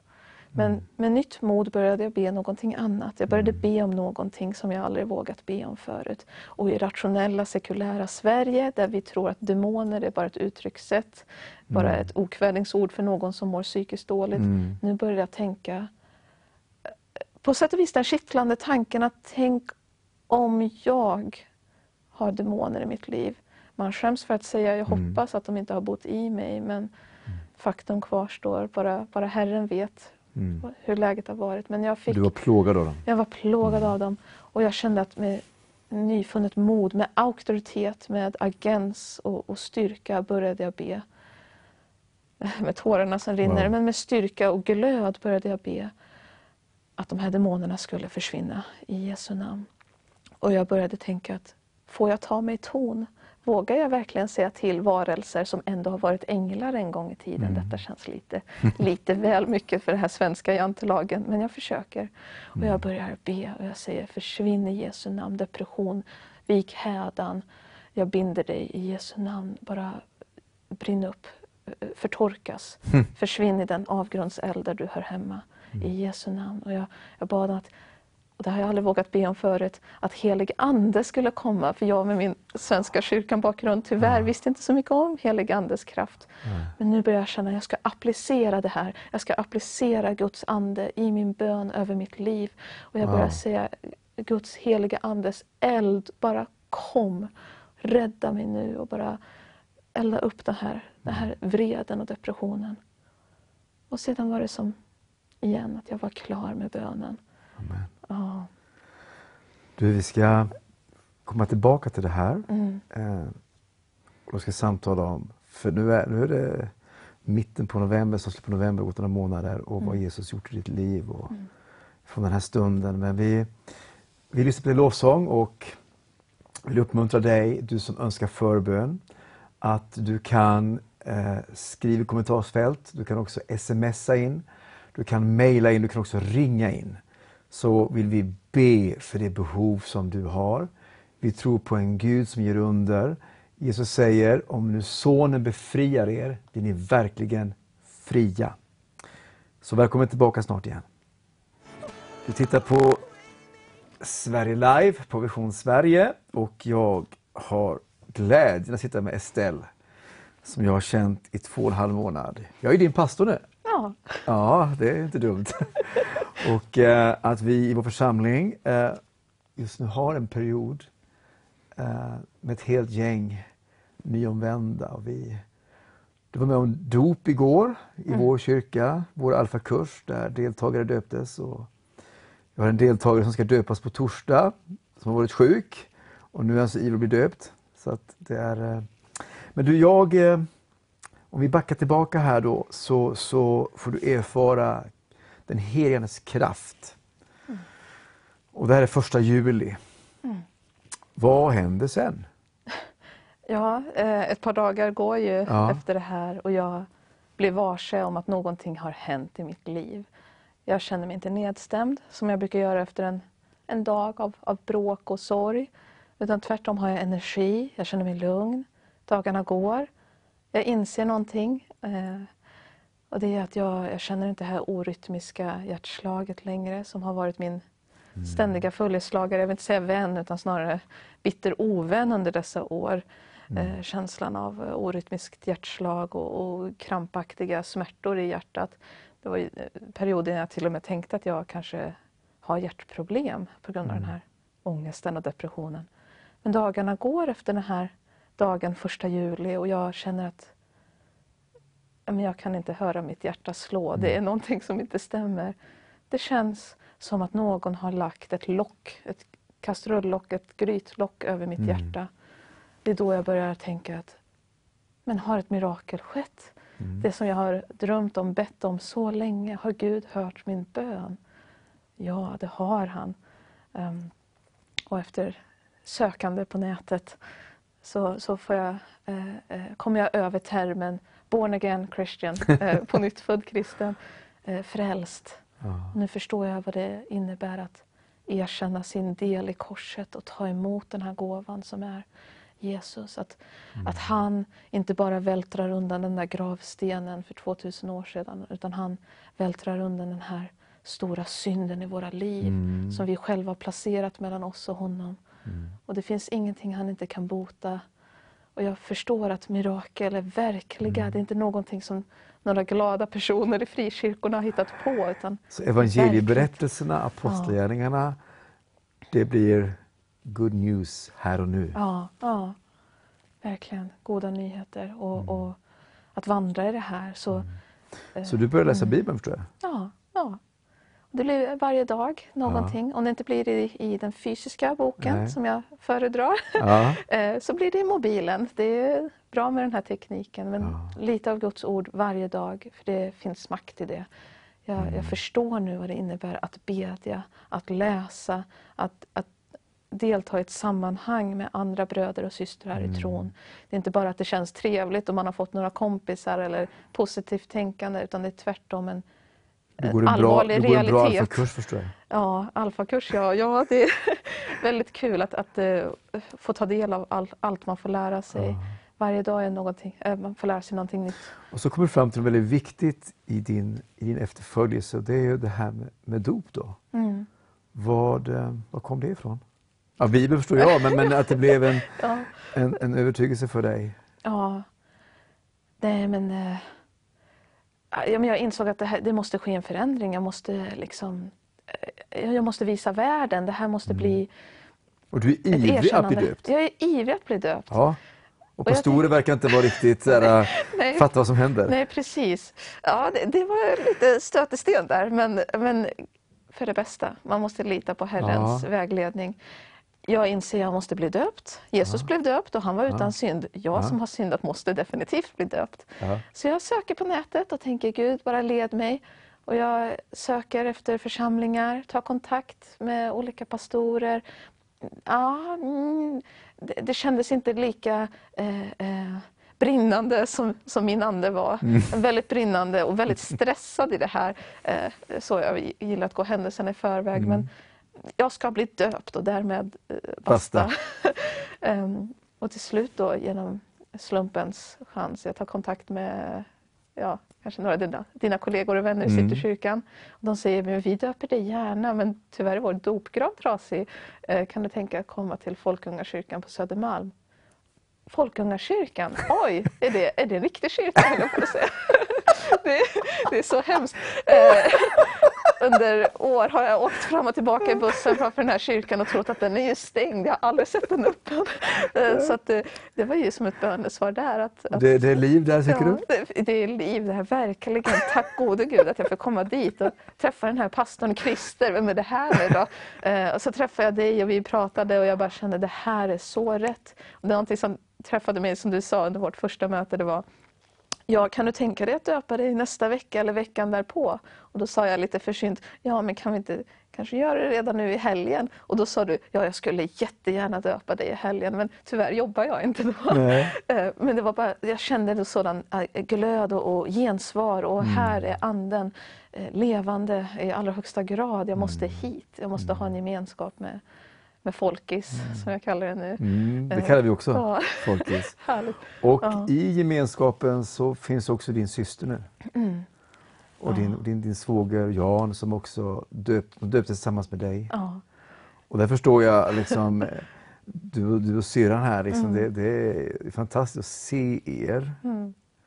Så jag förstår att Gud har gjort så mycket. Mm. Kan du bara nämna någonting kort här innan vi avslutar det samtalet? Ja, förutom att han har fått mig gift Ja, också. Inte bara ja. eh, gift genom dopet Nej. utan gift eh, med min älskade pojkvän. Precis, det är viktigt det med äktenskap och renhet är viktigt för dig. Verkligen, ja. att man vandrar i det här Guds ljuset. goda, goda ordningar. Ja, precis. Och man känner att man, det jag känner, den stora förändringen i mitt liv det är att jag vill följa Guds bud. Jag vill inordna mig i den här rollen. Jag skäms inte och ifrågasätter inte. Jag, jag känner inget behov av att följa normen i samhället utan tvärtom har en längtan att uppfylla Guds vilja, för jag märker att den är god. Han säger inte det för att han är envis, han säger det för att han vet att det gör människan väl att följa honom. Eh, Och det är den stora förändringen i mitt liv, att jag har en längtan att lära känna honom Amen. och lära känna hans lag. Ehm, Så en annan sak jag märkte det var att jag kan aldrig bli så arg. Jag kan inte, jag kan inte bli arg längre. Det, och jag är så tacksam för det. Jag, jag blir aldrig arg. Jag tappar saker i golvet fortfarande. Jag är lite fumlig. Men när man tappar någonting, en flaska eller en tallrik eller en, vad det nu må vara, så blir jag inte arg och frustrerad. Jag kunde bli väldigt urbota argsint då. Nu är jag bara hoppsan sa liksom. Det, jag kan inte svära, jag kan inte ta några fula ord i min mun. Jag liksom ryser av obehag när någon missbrukar Herrens namn eller Intressant. svär. Så Det här- var, det händer saker rent bokstavligt i ens liv. Ja. Helt Jag tänkte på det som Olof delade i första gästen här, var definition på väckelse är. Det är alltså samveten som väcks Ja. och leder till en sann eh, ånger och Mm. omvändelse. Mm. Du Estelle, om du sitter en tittare här som inte har frid med Gud, Mm. inte är frälst, Mm. inte har fått syndernas förlåtelse. Mm. Och du kollar in i kameran där, vad skulle du vilja säga kort till den människan? Ja, Titta in i kameran. förutom det självklara i att det finns hopp och ljuset besegrar alltid mörkret så vill jag poängtera till dig som tittar att du är inte ensam och Gud kallar dig. Det finns inte någon människa som han vill se förlorad. Så ta chansen och hör på detta vittnesbörd. Ta emot Jesus så snart som du bara kan. Det, det kommer göra dig gott. Bra, amen. Tack Estelle. Du ska få komma tillbaka lite senare och vara med och be för bönämnen. Mm. Tack så mycket. Tack. Vi ska lyssna på lite lovsång och snart kommer John Horgbin som är min sista gäst här ikväll. Välkommen tillbaka. Än en gång så ber vi om överseende med dålig ljudkvalitet på lovsång. Det är något tekniskt som eh, vi hoppas ska bli löst så att andra sändningar ska funka. Men nu hoppas jag det är bra ljud. Jag sitter här i studion med John. Kul att du är här. Mm, kul att vara här. Du har åkt Från Norrköping. från Norrköping Från Norrköping. och hit. Men du, jag tänkte så här, eh, berätta för tittarna vem, vem är det jag samtalar med här? Vem, vem är du, Mm. John? John Horgby, född och uppvuxen i Motala. Um, bott där mestadels av mitt liv. När jag tog studenten för fem år sedan så flyttade jag till Uppsala, gick bibelskola. Sen så har jag också hunnit med lite missionsresa, en, en termin i ett annat land i Asien. Mm. Jag bodde och var verksam som ja, lite bibellärare, lite socialt arbete. Så Men annars har jag bott i Motala mest hela tiden. Mm. Och nu sedan en vecka tillbaka ungefär så har jag flyttat till Norrköping. Men jag har tre bröder, mamma och pappa. Mm. Uppvuxen i en kristen familj. Väldigt tacksam för tron som man har fått sedan barnsben. Um, mm. Trygg, fantastisk jag, familj. Jag tänker att det här med, med, med tro, det präglar mycket din familj. Mm. Efter födelsen av Jesus. Absolut. Ja. Um, så för mig har det alltid varit en självklarhet, uh, Guds existens. Mm. Um, lite som Estelle också var inne på, att bara en förvissning om att Gud finns. Um, och har, mm. har aldrig tvivlat på Guds existens på det sättet. Sen så finns det alltid olika nivåer i ens personliga relation till Gud. Mm. Alltså på något sätt så måste man ju komma till insikt om Guds existens för att då sedan kunna möta och uppleva honom. Men på något sätt så behövs ett gudsmöte. Mm. Ehm, det spelar ingen roll om man är uppvuxen i, i, en kristen kulturkontext, om man har haft en relation till kyrkan sedan barnsben, kanske mm. kyrkans barntimmar eller man har gått på olika aktiviteter i kyrkan. Så på något sätt så behöver man mer än allt detta. Man behöver ett, ett eget möte med Jesus, ett, mm. ett eget beslut helt enkelt av, av, att ge sig själv till Gud. Um, och, och det, det, får man inte med barnsbenen, det får Nej. man inte i ett släktled utan det måste man fatta själv helt enkelt. Och där är jag nyfiken. Jag har ju också spenderat en hel del år i Motala som pastor och mm. mötte dig som tonåring Jajamän. i, i konfirmationsarbete och sådär. Och, och eh, eh, om man säger så här, när, när, när blev det väldigt avgörande för dig, alltså efterföljelsen? Alltså jag, jag vet ju själv, alltså jag vet själv en väldigt tydlig förändring jag såg i dig som, som följde dig liksom, som tonåring. Eh, eh, och sen så kommer du hem från bibelskola. Mm. Eh, du har varit några, någon månad och du kommer hem och är med på en bönesamling i baptistkyrkan där jag då är pastor. Och, och jag tänkte, vem är det som kommer här? Och det var en väldigt positiv känsla. Mm, mm. Vad hade hänt där? Men, mm. Kan du berätta där om, om alltså, hur fick Gud fatt på dig? Mm. Jo, men jag tror ju på något sätt att jag har alltid trott på Gud och jag har alltid varit fascinerad av Gud. Mm. Jag har alltid haft en längtan. Och en respekt för Gud? Då. Ja, alltså ja. En, alltså en längtan ja. efter Gud Ja. För att Gud är Gud. Alltså. På något sätt så här, om man vill maximera sitt liv, vill upptäcka det mest fantastiska, viktigaste, om man, om man vill man har ett liv, liksom, man vill inte slösa bort det, så på något sätt så vill man leva det till fullo. Mm. Och redan när jag, var, jag kommer ihåg när jag var liten, när jag var ung, så förstod jag att jag måste leva för Gud. Mm. Eh, jag måste få tag på Gud. Eh, för att mm. han är så långt mycket mer än allting annat så att säga. Så jag hade egentligen en, en djup fascination och en djup längtan i mitt hjärta av att få tag på den guden jag trodde på och hoppades på. Mm. Så på något sätt så tror jag att det var utgångsläget mm. i, i, min vandring med Jesus. liksom. Um, och sen så uppvuxen i kyrkan så jag fick, fick många tillfällen att, att gå på ungdomssamlingar fick många tillfällen att få förbön, um, mm. lyssna till vittnesbörd också då av människor. Så det var helt enkelt flera aspekter som drog mig i samma riktning så att säga.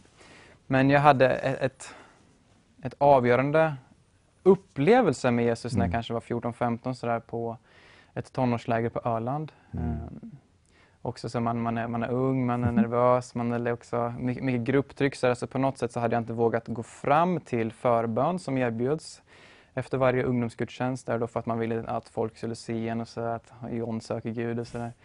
Men så jag tror det var typ på slutet av då lägerveckan på eftermiddagen så pratade lägerledaren med mig så här att John är du kristen? Så här, bara, men ja, jag är kristen, jag tror på Jesus. Så där. Men har du fått uppleva Jesus någon gång? Så där? Alltså konkret uppleva honom? Mm. Och då sa han, nej det har jag inte gjort faktiskt. Eh, och då sa han, men då ska vi be för det. Mm. Och så bad hon en kort bön där. Kände inget då, men sen då på kvällen senare så hade vi en, en frivillig andakt. Och då gick jag på den och jag ha- hade bara en, en djup längtan i mitt hjärta av att få uppleva det jag hört folk vittna om, det jag själv fått läsa i Bibeln. Alltså, jag, jag längtar efter Gud. Ehm, Så då gick jag fram till en pastor som anknytning till Oskarshamn också, Mm. hade han då, då ehm, din hemstad. Och jag- Mag- jag- Magnus. Ja, precis. Jajamän. Så jag gick fram till honom och det, det enda jag sa, jag vill möta Jesus. Jag sa inte vem jag var, jag sa inte att jag vill ska be för det här och det här och det här. Ja. Jag sa, jag vill möta Jesus. Och han la sin hand på mig, han började tala tungor. Ehm, jag, jag tror inte ens han bad med ord, han började bara tala, tala tungor. Ehm, och direkt känner jag hur Guds kärlek utgju- utgjuts i mitt hjärta. Ehm, och jag börjar gråta som ett barn liksom. Mm. Det hade inte du väntat dig? Nej, jag hade inte väntat mig det. Alltså, det. Var det var ju den för, alltså, det var ju det jag hade hoppats på så länge. Det var ju där jag hade längtat efter så länge att få möta Gud. Mer än då på bara ett teoretiskt plan utan också ett upplevelsemässigt plan. Liksom. Alltså på något sätt så ville jag leva i den verkligheten jag hade, jag hade hört talas om eller jag hade läst om i Bibeln och sådär. Men då, då så fick jag uppleva Jesus konkret. Liksom. Hans kärlek för mig, um, djupen av hans kärlek som, som rörde mig till tårar. Liksom. Mm. Så, så det var ju början. Mm. Men sen som sagt så är man tonåring, man är tonåring, man är, man är osäker, man är inte trygg i sig själv och sådär. Så jag gick ju inte spikrakt med Gud sen den dagen. Ehm, jag var odräglig som sagt på uh, konfirmationslektionerna. Jag ska säga till tittarna att jag faktiskt slängt ut den här mannen från en konfirmationslektion. Det var den enda jag har slängt ut. Jajamän, jag var den första. Ja, och det har hänt mycket sedan dess. Ja, precis. Men så, så, på något sätt så hade jag, jag hade mött Gud, jag visste att han fanns, jag visste att han var verklig. Så jag förstod ju då att om, om jag skulle göra någonting annat med mitt liv än att leva för Gud, då skulle jag kasta bort det. Mm. Jag skulle slösa bort mitt liv på någonting som var i relation till Gud fullkomligt meningslöst. Alltså fullkomligt värdelöst. Så jag hade en förståelse av att jag kan inte leva på något sätt det här det dubbellivet. Man, man, man känner till Gud, men man följer honom inte. Eh, man längtar efter honom, men man tar liksom inte steg i rätt riktning. Så, så jag förstod att någonting, jag, jag behöver göra någonting. Ehm, så jag, jag hade också bestämt mig ganska tidigt, jag vet inte om det, kanske högstadiet men absolut under gymnasietiden, att jag måste gå bibelskola. Ehm, för jag ha- hade hört väldigt många människor som har gått bibelskola och vittnat om den, där de har fått möta där, den- den, förvandling i deras egna gudsrelation som de fått trilla på bibelskolan. Mm. Så jag, jag ansökte till, till bibelskola helt enkelt. Ehm, jag sa nog inte till särskilt många att jag hade gjort det. Um, förrän det begav sig, det närmade sig. Jag kommer ihåg, det kom som en överraskning. John är på bibelskola. Jaha. Ja, ehm, men, men så blev det. Och på något sätt, där blev, vad ska man säga, där blev början på min tydligare omvändelseprocess eller överlåtelseprocess till Gud helt enkelt. Vi ska komma tillbaka till det. Vi ska göra ett kort break. Lite lovsång. Vi får se om det är hackig lovsång, men stanna kvar ändå för det är så spännande det här som ska komma. Eh, Jag vill också uppmuntra dig, du som önskar förbön, att höra av dig, mejla, smsa, skriv i chatten, ring och vi ska be för dig på slutet. Nu lovsjunger vi lite. John, man ärver inte någon tro. Man ärver synd.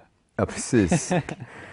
Du, eh, precis innan breaket här så berörde vi bibelskola och där, där börjar någonting påtagligt Mm. hända med dig. Mm, mm, Du delar här om en stark upplevelse på, på Öland och Klintagården gissar jag att jag var på. mm, precis. Men här med bibelskolan då, 19 år gammal. Mm. Berätta, vad, vad, vad börjar hända i ditt liv? Jo, men jag kom ju då till bibelskolan med en djup längtan, en, en, en stor hunger efter, efter att få tag på, på Gud, eller hur man ska uttrycka det. Alltså, jag kunde på något sätt titta på kristna människor och sen så kunde jag längta efter vad de hade. Alltså kristna människor som gick med Gud, liksom, som på något sätt uttryckte en närhet till Jesus. Och när jag såg på dem liksom, tänkte jag, vad är det de har? Alltså vad är det de har upptäckt i livet eller vad, hur har de kommit till den positionen av att få leva på den friheten av att liksom älska Jesus då, ut, utan några hinder som jag upplevde, som, som jag upplevde att jag hade som hindrade mig liksom från att följa Gud. Mm. Men så jag kom till bibelskolan med, med en längtan, med en hunger efter att få tag på mer. Mm. Det innebar att jag började läsa Bibeln väldigt mycket. På ett nytt sätt än tidigare? Ja, alltså jag hade ju läst Bibeln tidigare sådär men på något sätt så nu så det blev så väldigt avskilt, det blev en väldigt avskild tid då jag inte hade en annan skola, jag hade inte kompisar, jag hade inte andra åtaganden ehm, eller aktiviteter på fritiden. Det blev verkligen Jesus. Mm. En tid av att, av att söka Gud helt enkelt. Mm. Så på något sätt, min tillvaro präglades egentligen av Bibeln på bibelskolan så att säga när vi undervisade. Mm. Men sen också när jag kom hem så, så läste jag, jag spenderade egentligen den större delen av mina eftermiddagskvällar med att studera Bibeln. Mm. Ehm, jag, jag valde bort många sådana här saker, ehm, till exempel titta på TV. Det var en sak som jag um, helt enkelt valde bort under min mm. tid på bibelskolan. nu kan jag titta på TV sådär. Men då för stunden så var det superviktigt för mig att bara ta bort alla andra saker som distraherar mig, mm. som tar mitt fokus, tar min energi, um, som inte drar mig närmare Gud. Liksom. Mm. Så kan i Kristi språkbruk så var det ju en helgelseprocess som verkligen mm. tog fart. Ja. Och för tittarna, vad, vad är helgelse för någonting John?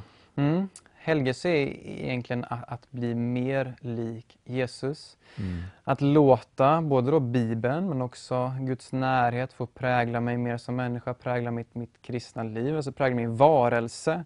Um, att bli mer lik Guds ursprungsmall för mig. Mm. Um, det är vackert. Växa in i den skapelse som Jesus har, gjort mig, inte som synden har fördärvat mig, utan vem Jesus har gjort mig till.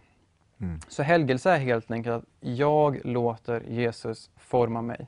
Um, och det är dels genom personlig omvändelse, um, min liksom ansträngning men också liksom Guds nåd. Mm. Men så det var det som började i mitt liv under, under den tiden. Mm. Bibeln, bönen, kyrkan och allt annat som jag tyckte um, distraherade mig. Um, det var ointressant. Mm. Um, och det var också så att på bibelskolan så, där, så under den första tiden så tänkte jag att ingenting händer. Mm. Jag tänkte att jag, jag, är fortfarande samma gamla John, jag känner mig inte mm. förvandlad, jag känner mig inte förnyad. Ehm, men som sagt, jag kommer ihåg då också det bönetillfället i kyrkan som jag kom mm. tillbaks då på mm. när du mötte mig första gången. Mm. Och det var då jag mer och mer började reflektera över att jag började förändras. Mm. Då var det, jag vet inte vilket lov det var, det kanske höstlovet, så här, men det var några, ja, några månader in i bibelskoleterminen. Så Visst, du var väldigt, och vi, det var väldigt starka bönesamlingar i baptistförsamlingen och vi hade en väldig förväntan på att Gud skulle verka under kvällen och vi kunde se omvändelser men också mycket av hedande. Och, mm. Du kom ju där och var, du var så fylld av tilltro till, till att Gud helar idag. Mm. Och, och det hände ju saker den kvällen. Ja, jag tror jag fick se tre ben som var lite ojämna och växa ja, ut och blev det var det. längre. Olika smärtor som försvann sådär. Ja. Men så, så, då när jag, jag började reflektera över mitt liv, då, att när jag tittade i backspegeln och gick tillbaka några månader så började jag inse att någonting har hänt. Mm. Um, I processen, i, i, stunden, när jag läste min bibel, när, när jag bad och sådär, så kände jag inte mig superförvandlad. Men jag insåg ganska snabbt att någonting händer i mitt liv. Mm. Um, det är en process i mitt liv där jag växer i mitt kristna liv. Jag, jag fylls med kunskap om vem Gud är, vad han kallar mig till. Jag, jag väx, växer i en helhetslängtan mm. rättfärdighetslängtan och ett, en, en avsky mot, mot synden. Mm. Så på något sätt så är jag i en förvandlingsprocess. Mm. Så jag är väldigt tacksam för mitt år på bibelskolan som mm. verkligen då har slog an riktningen då för det liv jag lever idag. Ja, för jag tänker när du började där, ska jag tillägga idag, då har du läst flera år teologi och har förkunnat och undervisat i flera år. Men är det där också det här med, med kallelsen börjar klarna på något sätt. Mm. Vad, vad, vad händer? Vad gör Gud i hjärtat på dig? Ja, alltså jag kan inte exakt sätta ett, ett, ett finger på ett datum då jag kände att jag skulle börja predika och undervisa Bibeln. Så där. Jag vet att vi hade en uppgift på Bibelskolan. Vi hade en, en kurs där vi skulle lära oss att predika. Um, och då var också då en, en uppgift då att vi fick tilldelat ett bibelord och skulle undervisa då i, för en del av klassen. Så jag fick bibelordet typ Jakob 2 där någonstans, att tro utan gärningar är, är död. Och, um, och jag kommer ihåg att man skulle predika fem minuter. Mm. jag tyckte det var fruktansvärt långt.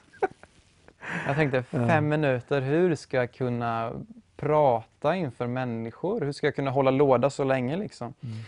Så det var jättejobbigt. Jag gick hem och skrev en, en text och så jag skrev varenda ord jag skulle säga, så skulle jag liksom predika där då.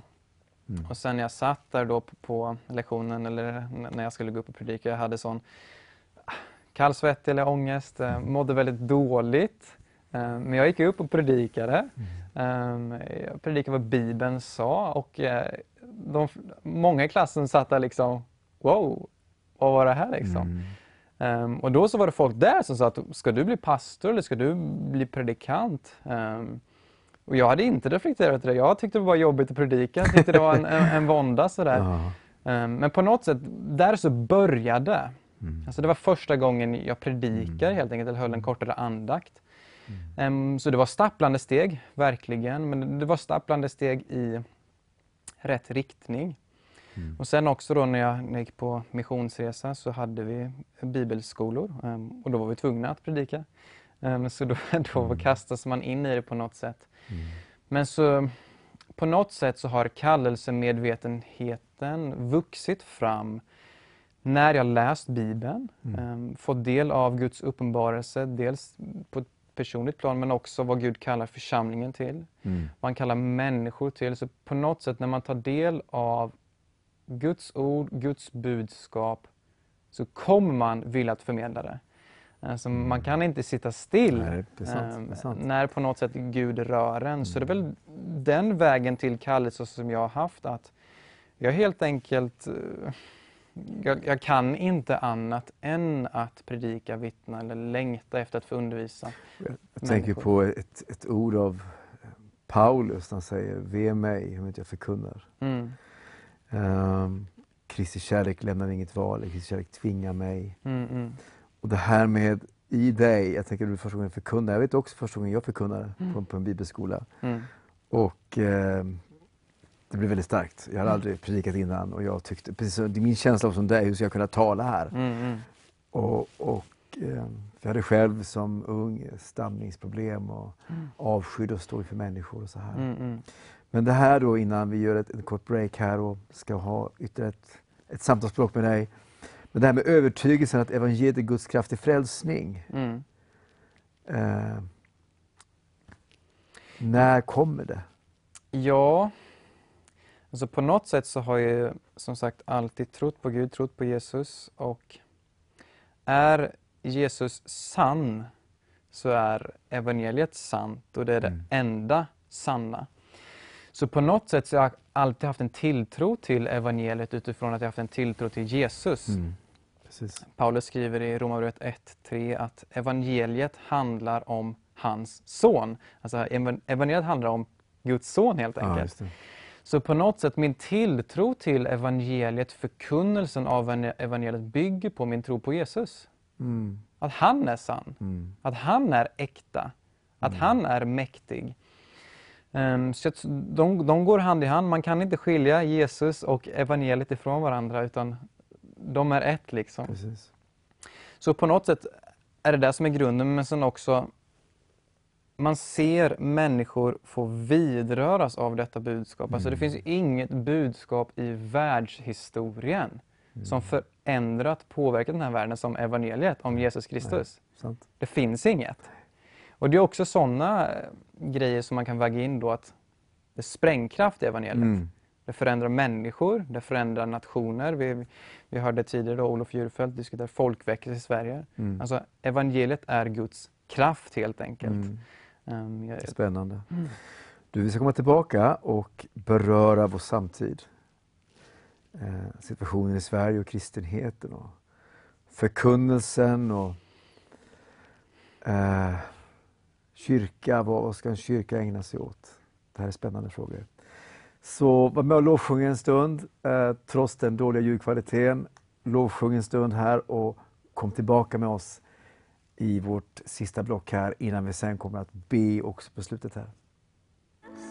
Jag sitter här med John och vi samtalar allra nu senast om att evangeliet är Guds kraft till frälsning och vi ska, vi ska beröra vår samtid. Vi ska beröra Sverige, kristenhet, samhälle och eh, behovet av förkunnelse. Och vad är förkunnelse för någonting? Och vad är det som leder till människors omvändelse? Jag, jag vill bara läsa, eh, kom till mig här från Apostlagärningarnas åttonde kapitel. Eh, en väckelse som händer i Samaria när en lärjunge kommer dit. Och det står så här. De som nu hade skingrats gick från plats till plats och förkunnade evangeliet. Filippus kom ner till staden Samaria och predikade Kristus för folket där. De lyssnade alla noga till det som Filippus förkunnade när de hörde och såg det tecken han gjorde. Från många som hade orena andar for dessa ut med höga rop och många lama och halta blev botade och det blev stor glädje i den staden. Det blev stor glädje i den staden. Men du John, du är ju en ung man, 24 år. Mm. Eh, förkunnare. Nu finns du i Norrköping.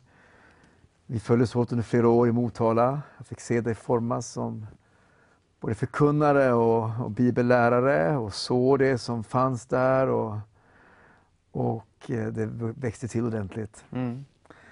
Eh, hur tänker du kring kristenhet i Sverige?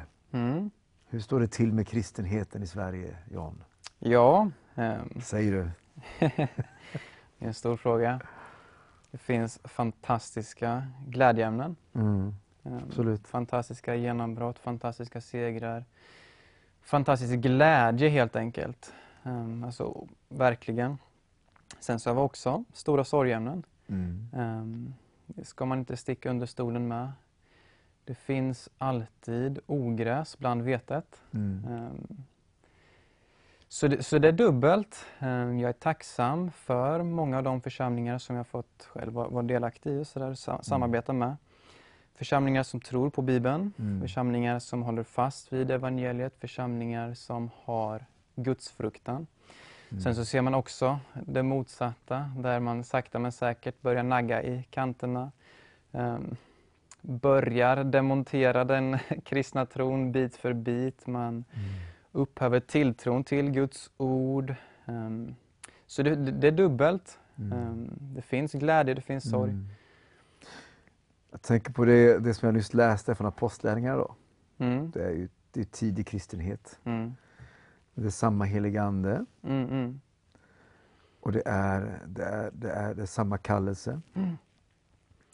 Så jag tror det är väldigt viktigt att man som församling ständigt är på tå på något sätt. Mm. Att man ständigt sträcker sig efter den nytestamentliga mallen. Yes, precis. Det vill komma till. Alltså, kristet liv går inte att leva på distans från Jesus. Nej. Eh, Det måste levas i närhet till Jesus. Och Jesus är inte någon klippdocka som man kan göra vad man vill med.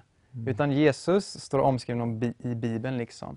Eh, Det är Bibelns Jesus vi tror på. Man kan inte klippa och klistra allt för mycket. Man kan inte klippa och klistra med evangeliet. Nej.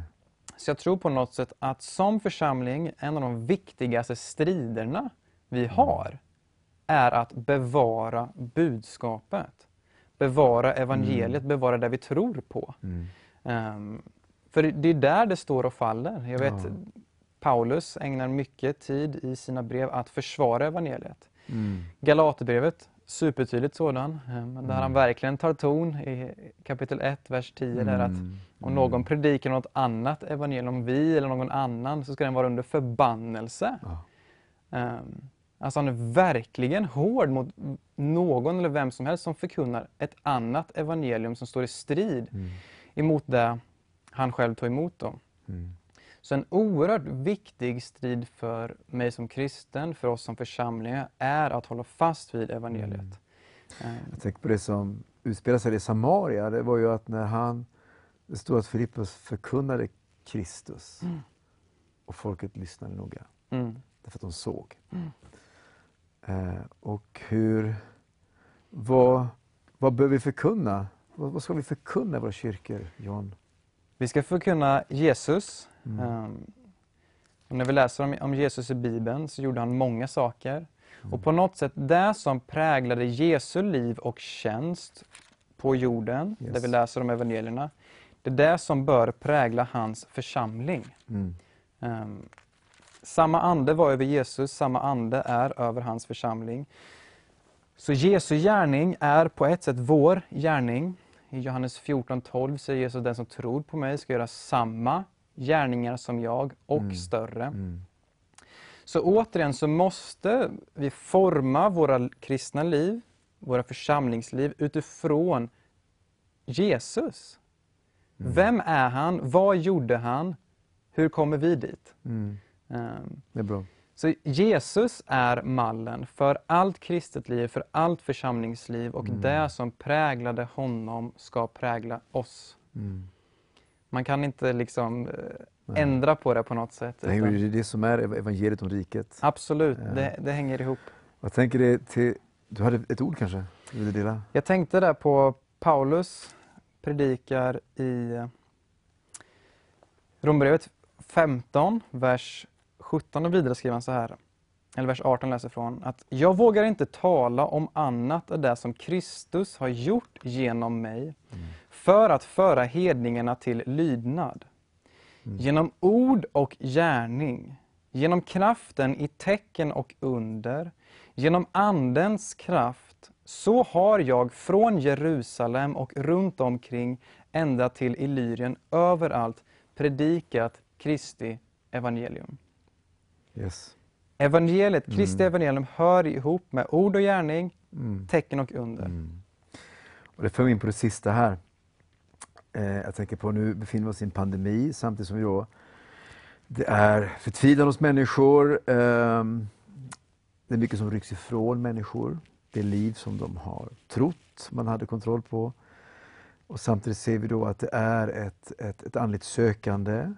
Eh, vi mötte Stell för en stund sedan här som är ett vittnesbörd av många. Eh, det här med att, att människor kommer till tro, det är det som är helt avgörande för våra kyrkor. Det är på det sättet kyrkor växer.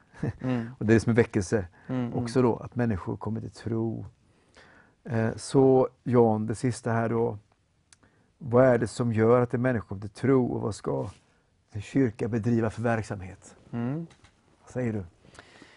Det som gör att en människa kommer till tro är helt enkelt attraktionskraften ifrån Jesus. Yes. Ehm, Att man helt enkelt vill ha honom. Ehm, Så Jesus är attraktiv. För Jesus kommer med någonting som alla människor är i desperat behov av. Mm. Det är bara i Jesu namn som en människa kan få sin synd förlåten. Mm. För det är bara Jesus som burit alla människors synder. Mm. Det är bara Jesus som kan ge en människa frid, Mm. um, djup frid. Det är bara Jesus som kan ge en människa kärlek som övergår allt förstånd. Så Jesus är unik. Mm. Därför så är han attraktiv, för det är bara hos honom jag kan hitta allt detta. Yes. Det är bara i hans namn som det finns frälsning. Precis. Det är bara i hans namn som det finns ett hopp för mig inför nästa liv. Mm. Så på något sätt så tror jag att som församling ska vi lyfta fram Jesus. Jag behöver inte sminka till honom, ändra honom. Jag behöver inte på något sätt lägga till eller dra ifrån. Det vi ska göra är att lyfta fram Jesus och attraktionskraften ifrån honom är det som för människor till tro. Att lyfta fram evangeliet rakt upp och ner med allt vad det innebär. Mm. utmanande bitar och Mm. lättsmälta bitar, eller hur man ska uttrycka det. Ehm, Vi framställer Jesus utan några som helst knep, liksom, utan, och sen är det det som leder folk till omvändelse och tro. Det är bra. För att liksom, Jesus är Jesus. Det är gott. Det får bli det sista ordet i vårt samtal här.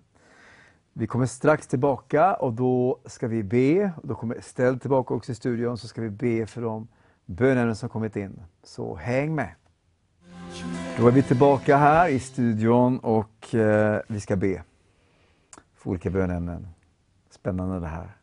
Det är kraftig bön. Och eh, du ska Estelle få be för en kvinna här som brottas med att hon inte känner sig älskad av Gud. Be att Gud älskar mig. Så bara be för den här Anna som hon heter. Mm. Ja, bara kära älskade Anna, syster i Kristus. Du ska veta att du är älskad av Gud. Herre, älskade Jesus Kristus, bara välsigna Anna. Låt henne känna din härlighet. Låt henne känna din närvaro idag, ikväll, i resten av sitt liv. Hon är värdefull och du glömmer henne aldrig. Hon finns i ditt hjärta och hon är din ögonsten. I Jesu namn. Amen. Amen. Amen. Eh, det finns en, en Kali som eh, ber, jag ber egentligen för alla människor. Det är en härlig bön. Så du John, du får bara be om eh, också det som världen går igenom också här. Eh, Det är mycket lidande just nu. Så bara be ut om, om barmhärtighet och helande i Jesu namn. Gör det. Tack Fader att vi får be till dig, att vi får söka ditt ansikte i, i tider av nöd, i tider av smärta och sorg. Så Jesus, jag bara ber att du får bli än mer verklig i alla, allas våras liv, att vi så får upptäcka dig mer i vår vardag Jesus. Jesus. Gud, vi ber att du i denna tid ska få frälsa många människor, att du ska bara Jesus. staka ut en väg för många människor att hitta dig i denna tid av nöd och osäkerhet. Gud, låt ditt ord gå ut och bli förhärligat och vidrör många människor ditt namn till ära, Fader. Vi prisar dig Jesus, vi tackar dig att du hör oss när vi söker dig, Herre. Amen. Tack för det, Fader. Amen. Då kan du be istället för en Jörgen som eh, behöver ett mirakel, sitter i rullstol.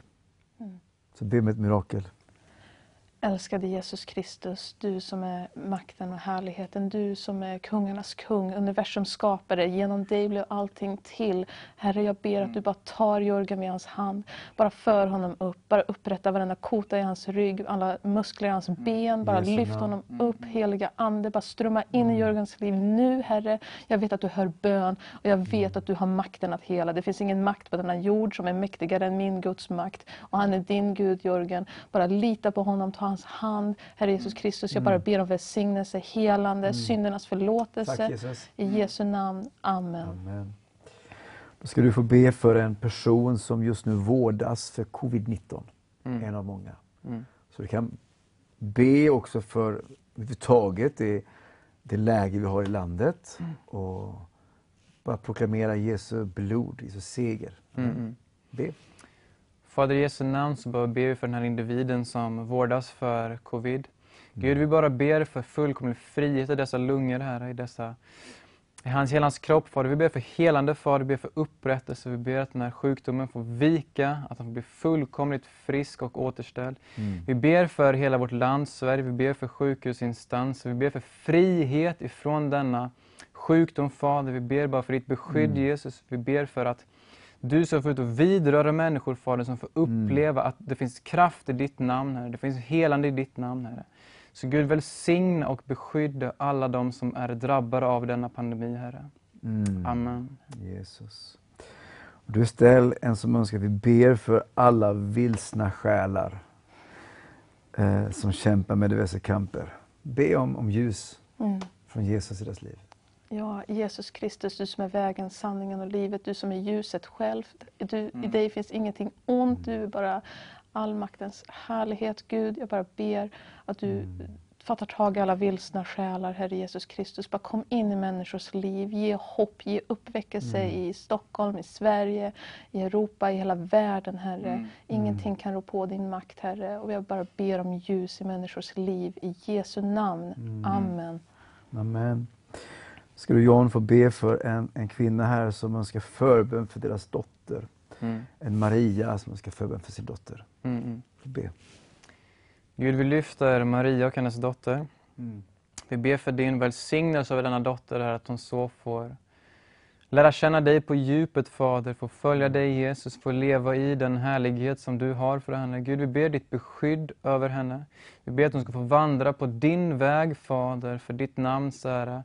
Gud, vi bara ber för din välsignelse över hela denna familj, här, att de så ska få vara präglade av livet ifrån dig, Fader. Livet ifrån Livet som kommer av att följa dig Jesus, älska dig och ge sig själv till dig. Så Gud välsigna dessa människor Herre och bara flöda över med din nåd i deras liv Fader. Vi bara prisar dig Fader. Amen. Jesus. Kan du istället be för en, eh, en Tim, är en son till en Stefan. Så be för Tim, sonen.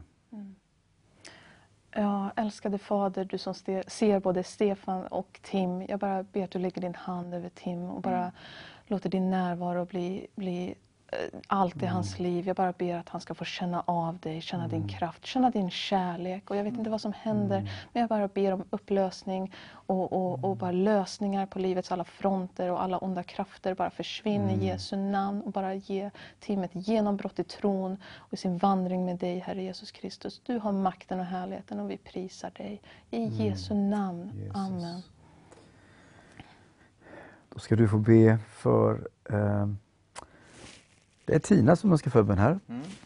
Eh, be om frälsning för hennes barn och barnbarn. Mm, mm. Och att barnbarnet Elvira ska få kompisar. Mm, mm, Så be in och mm. be för Tina. Tack Gud för Tina. Tack att du frälste henne Jesus. Tack att du lyfte henne från en plats av mörker till en plats av frihet Jesus. Gud, vi bara lyfter upp hela Tinas familj inför dig Fader. Jesus, vi vill se dem bekänna ditt namn Herre. Gud, vi vill se dem i skaran som är tvättade av ditt blod Fader, som har gett sina hjärtan till dig Herre. Gud, jag ber frälsning i den familjen. Gud, jag ber att du ska verka syndanöd och omvändelse i hennes barns liv Herre. Gud, låt evangeliet vidröra dem Fader. Rör deras hjärtan på djupet Fader. Det är ett fullkomligt genombrott Herre.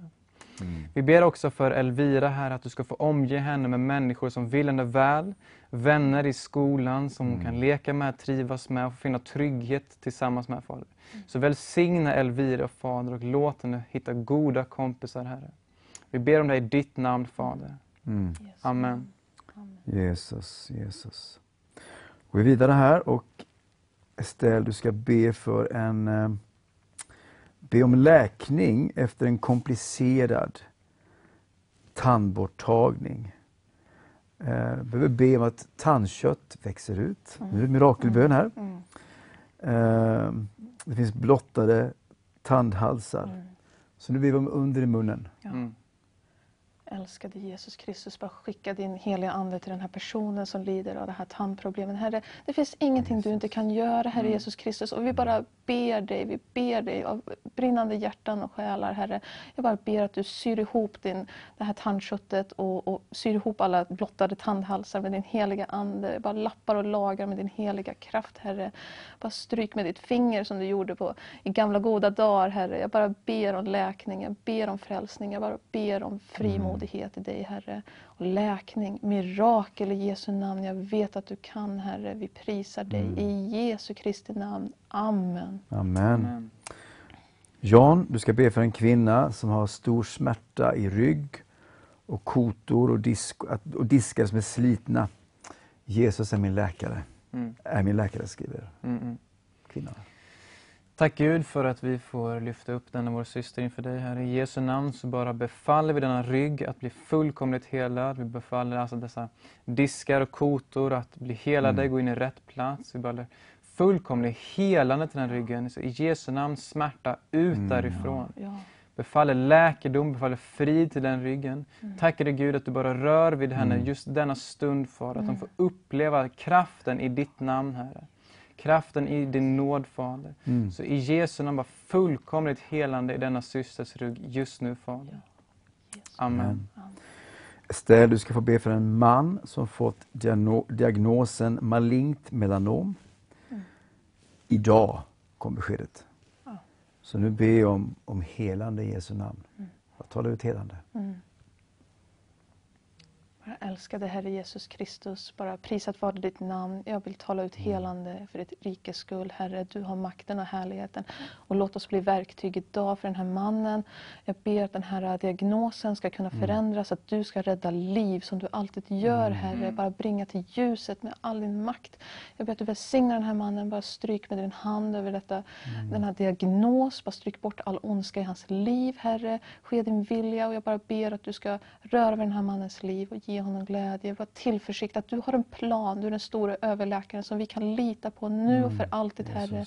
Du är vår läkare. Vi sätter all vår tilltro till dig Herre. Jag bara tackar dig för att du hör vår bön. Jag tackar dig för segern på korset. I Jesu Kristi namn. Amen. Jan, du ska få be för en, en tragisk situation. Eh, en operation som har gått fel och lett till ett högt tryck i hjärnan. De har akut fått operera för att lätta på trycket. Eh, 50 procent av hjärnan är permanent skadad, säger läkarna. Och han ligger djupt sövd. Så be för denne man Mm, som är drabbad av detta. I Jesu namn. Fader, vi lyfter upp denna man med hans hjärnskada. Gud, du kan fullkomligt återställa, du kan fullkomligt upprätta, fullkomligt hela. Och Fader, vi ber om ett mirakel här. Vi ber om ditt övernaturliga ingripande hos honom. Fader, låt denna hjärna bli fullkomligt hela. Vi ber om 100% i hans huvud, Fader. Låt läkarna bara få se ett mirakel äga rum inför deras ögon, Herre. Välsigna denna man, Fader, och upprätta honom, Fader. Hela honom, Fader. I Jesu namn ber jag om detta, Fader. Helande från dig, Fader. Amen. Mm. Så har vi ett par sista bönämnen här. Då ska du få be istället för en, eh, en liten flicka som är sjuk. Jag vet inte vad det är för sjukdom, men du talar in helande i Jesu namn istället. Ja, älskade Jesus Kristus, du som älskar barnen, Herre, de tillhör, de tillhör dig, Herre. Och det, åh, jag bara ber för den här flickan, jag ber att du kommer in i hennes liv, och driv undan all smärta, alla demoner, all otäcka inflytande. Bara rena henne, Herre. Lägg din hand över henne, bara smek henne med din heliga Ande, Herre. Bara kom över henne. Älskade Jesus Kristus, du älskar det här lilla barnet. Jag bara ber att du tar henne i din famn och bara omhuldar henne med all din kärlek och läkedom. Du är vår herde och jag bara tackar dig för den här flickan. Bara välsigna henne, bara vara med henne. I Jesu namn. Amen. Och ett sista bönämne. Eh, och det gäller pappan då till den här flickan eh, som har en kallelse över sitt liv men som är hämmad på grund av sjukdomssituation. Det verkar som att det hör ihop med flickan här då. Så bryt det Satan gör i familjen. Mm, mm. I Jesu namn John. Fader, i Jesu namn så bara proklamerar vi fullkomlig frihet över denna familj, både fadern och dottern, Herre. Gud, vi bara ställer oss i gapet för dem som våra syskon, Herre, som våra medarbetare i Guds rike, Herre. Vi bara faller fullkomlig frihet över denna man, hans liv, hans kallelse i tjänst för dig, Fader. Allt som hämmar, allt som binder får lämna just nu, Fader. Och han får bara ta emot friheten ifrån dig, Fader. Så Gud, kom med ditt genombrott, Herre. Kom med din kraft, Herre, och bryt ok som binder, som hindrar, som förstör, Herre. Så vi betalar ut ditt liv, Jesus. Vi talar ut din frihet. Och tack Gud att vi bara får be till dig, för vi ropar till dig för dessa våra syskon, Herre. Amen. Jesus. Det har kommit in ett, ett, ett bönämne till här. Eh, och det är en, eh, be gärna för min sambo som idag lever i anstalt. Alltså någon som sitter i fängelse alltså.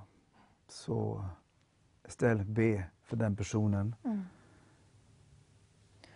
Ja, Älskade Jesus, vi vänder oss till dig frimodigt med våra böner. Vi kommer till dig, vi tjatar och vi älskar dig Herre. Jag bara tackar dig för den här eh, mannen, eh, Mm. personen på anstalten. Jag ber att du bara lyser upp den här personens liv. Att du bara kommer med upprättelse, syndernas förlåtelse. Bara Mm. uppväck den här personen till dig Herre. Jag vet att du kallar den här personen och jag bara ber om kärlek och ljus och rättfärdighet. Bara lös den här situationen Herre, för du har makten och du har en stor plan och vi bara sätter all vår tillit till dig Herre. Vi lägger våra liv och våra andar i dina händer Herre. Bara ta hand om den här personen och bevara den nu och för alltid i evighet. I Jesu namn. Amen. Amen. Amen. Ska vi till slut, innan jag ber välsignelsen, be för vårt land. Eh, vi ber för eh, all sjukvårdspersonal. Eh, alla krafter på olika sätt som, som kämpar för det goda i detta. Eh, vi ber för våra politiker, vi ber för vår statsminister och statsråd. Vi ska be för all överhet. Vi ska be för Anders Tegnell och gänget på Folkhälsomyndigheten. John, be en bön. Amen. Tack Gud att vi får lyfta upp Sverige inför dig Herre. Fader, du känner den här, till den här situationen, du ser precis allting Herre. Gud, vi vill välsigna alla som leder oss som svenska folket, Mm. alla i, i styrande position, politiker eller vilken instans de än befinner sig. Gud, vi vill välsigna Mm. dem. Vi vill be din vishet över dem, Fader, ditt beskydd över dem, din rättfärdighet över dem, Fader. Gud, vi ber att du ska frälsa dem, att du ska ge dem en övernaturlig vishet att manövrera den s- situation vi står i just nu, Fader. Så Gud, kom och välsigna detta land, Fader. Kom och hör vår bön, Fader. Grip in, Herre. Vi välsignar alla som arbetar på sjukhus, Herre. Gud, låt din goda vilja ske mitt ibland oss, Herre. Gud, bara be om detta i ditt namn, Herre. Amen. Amen.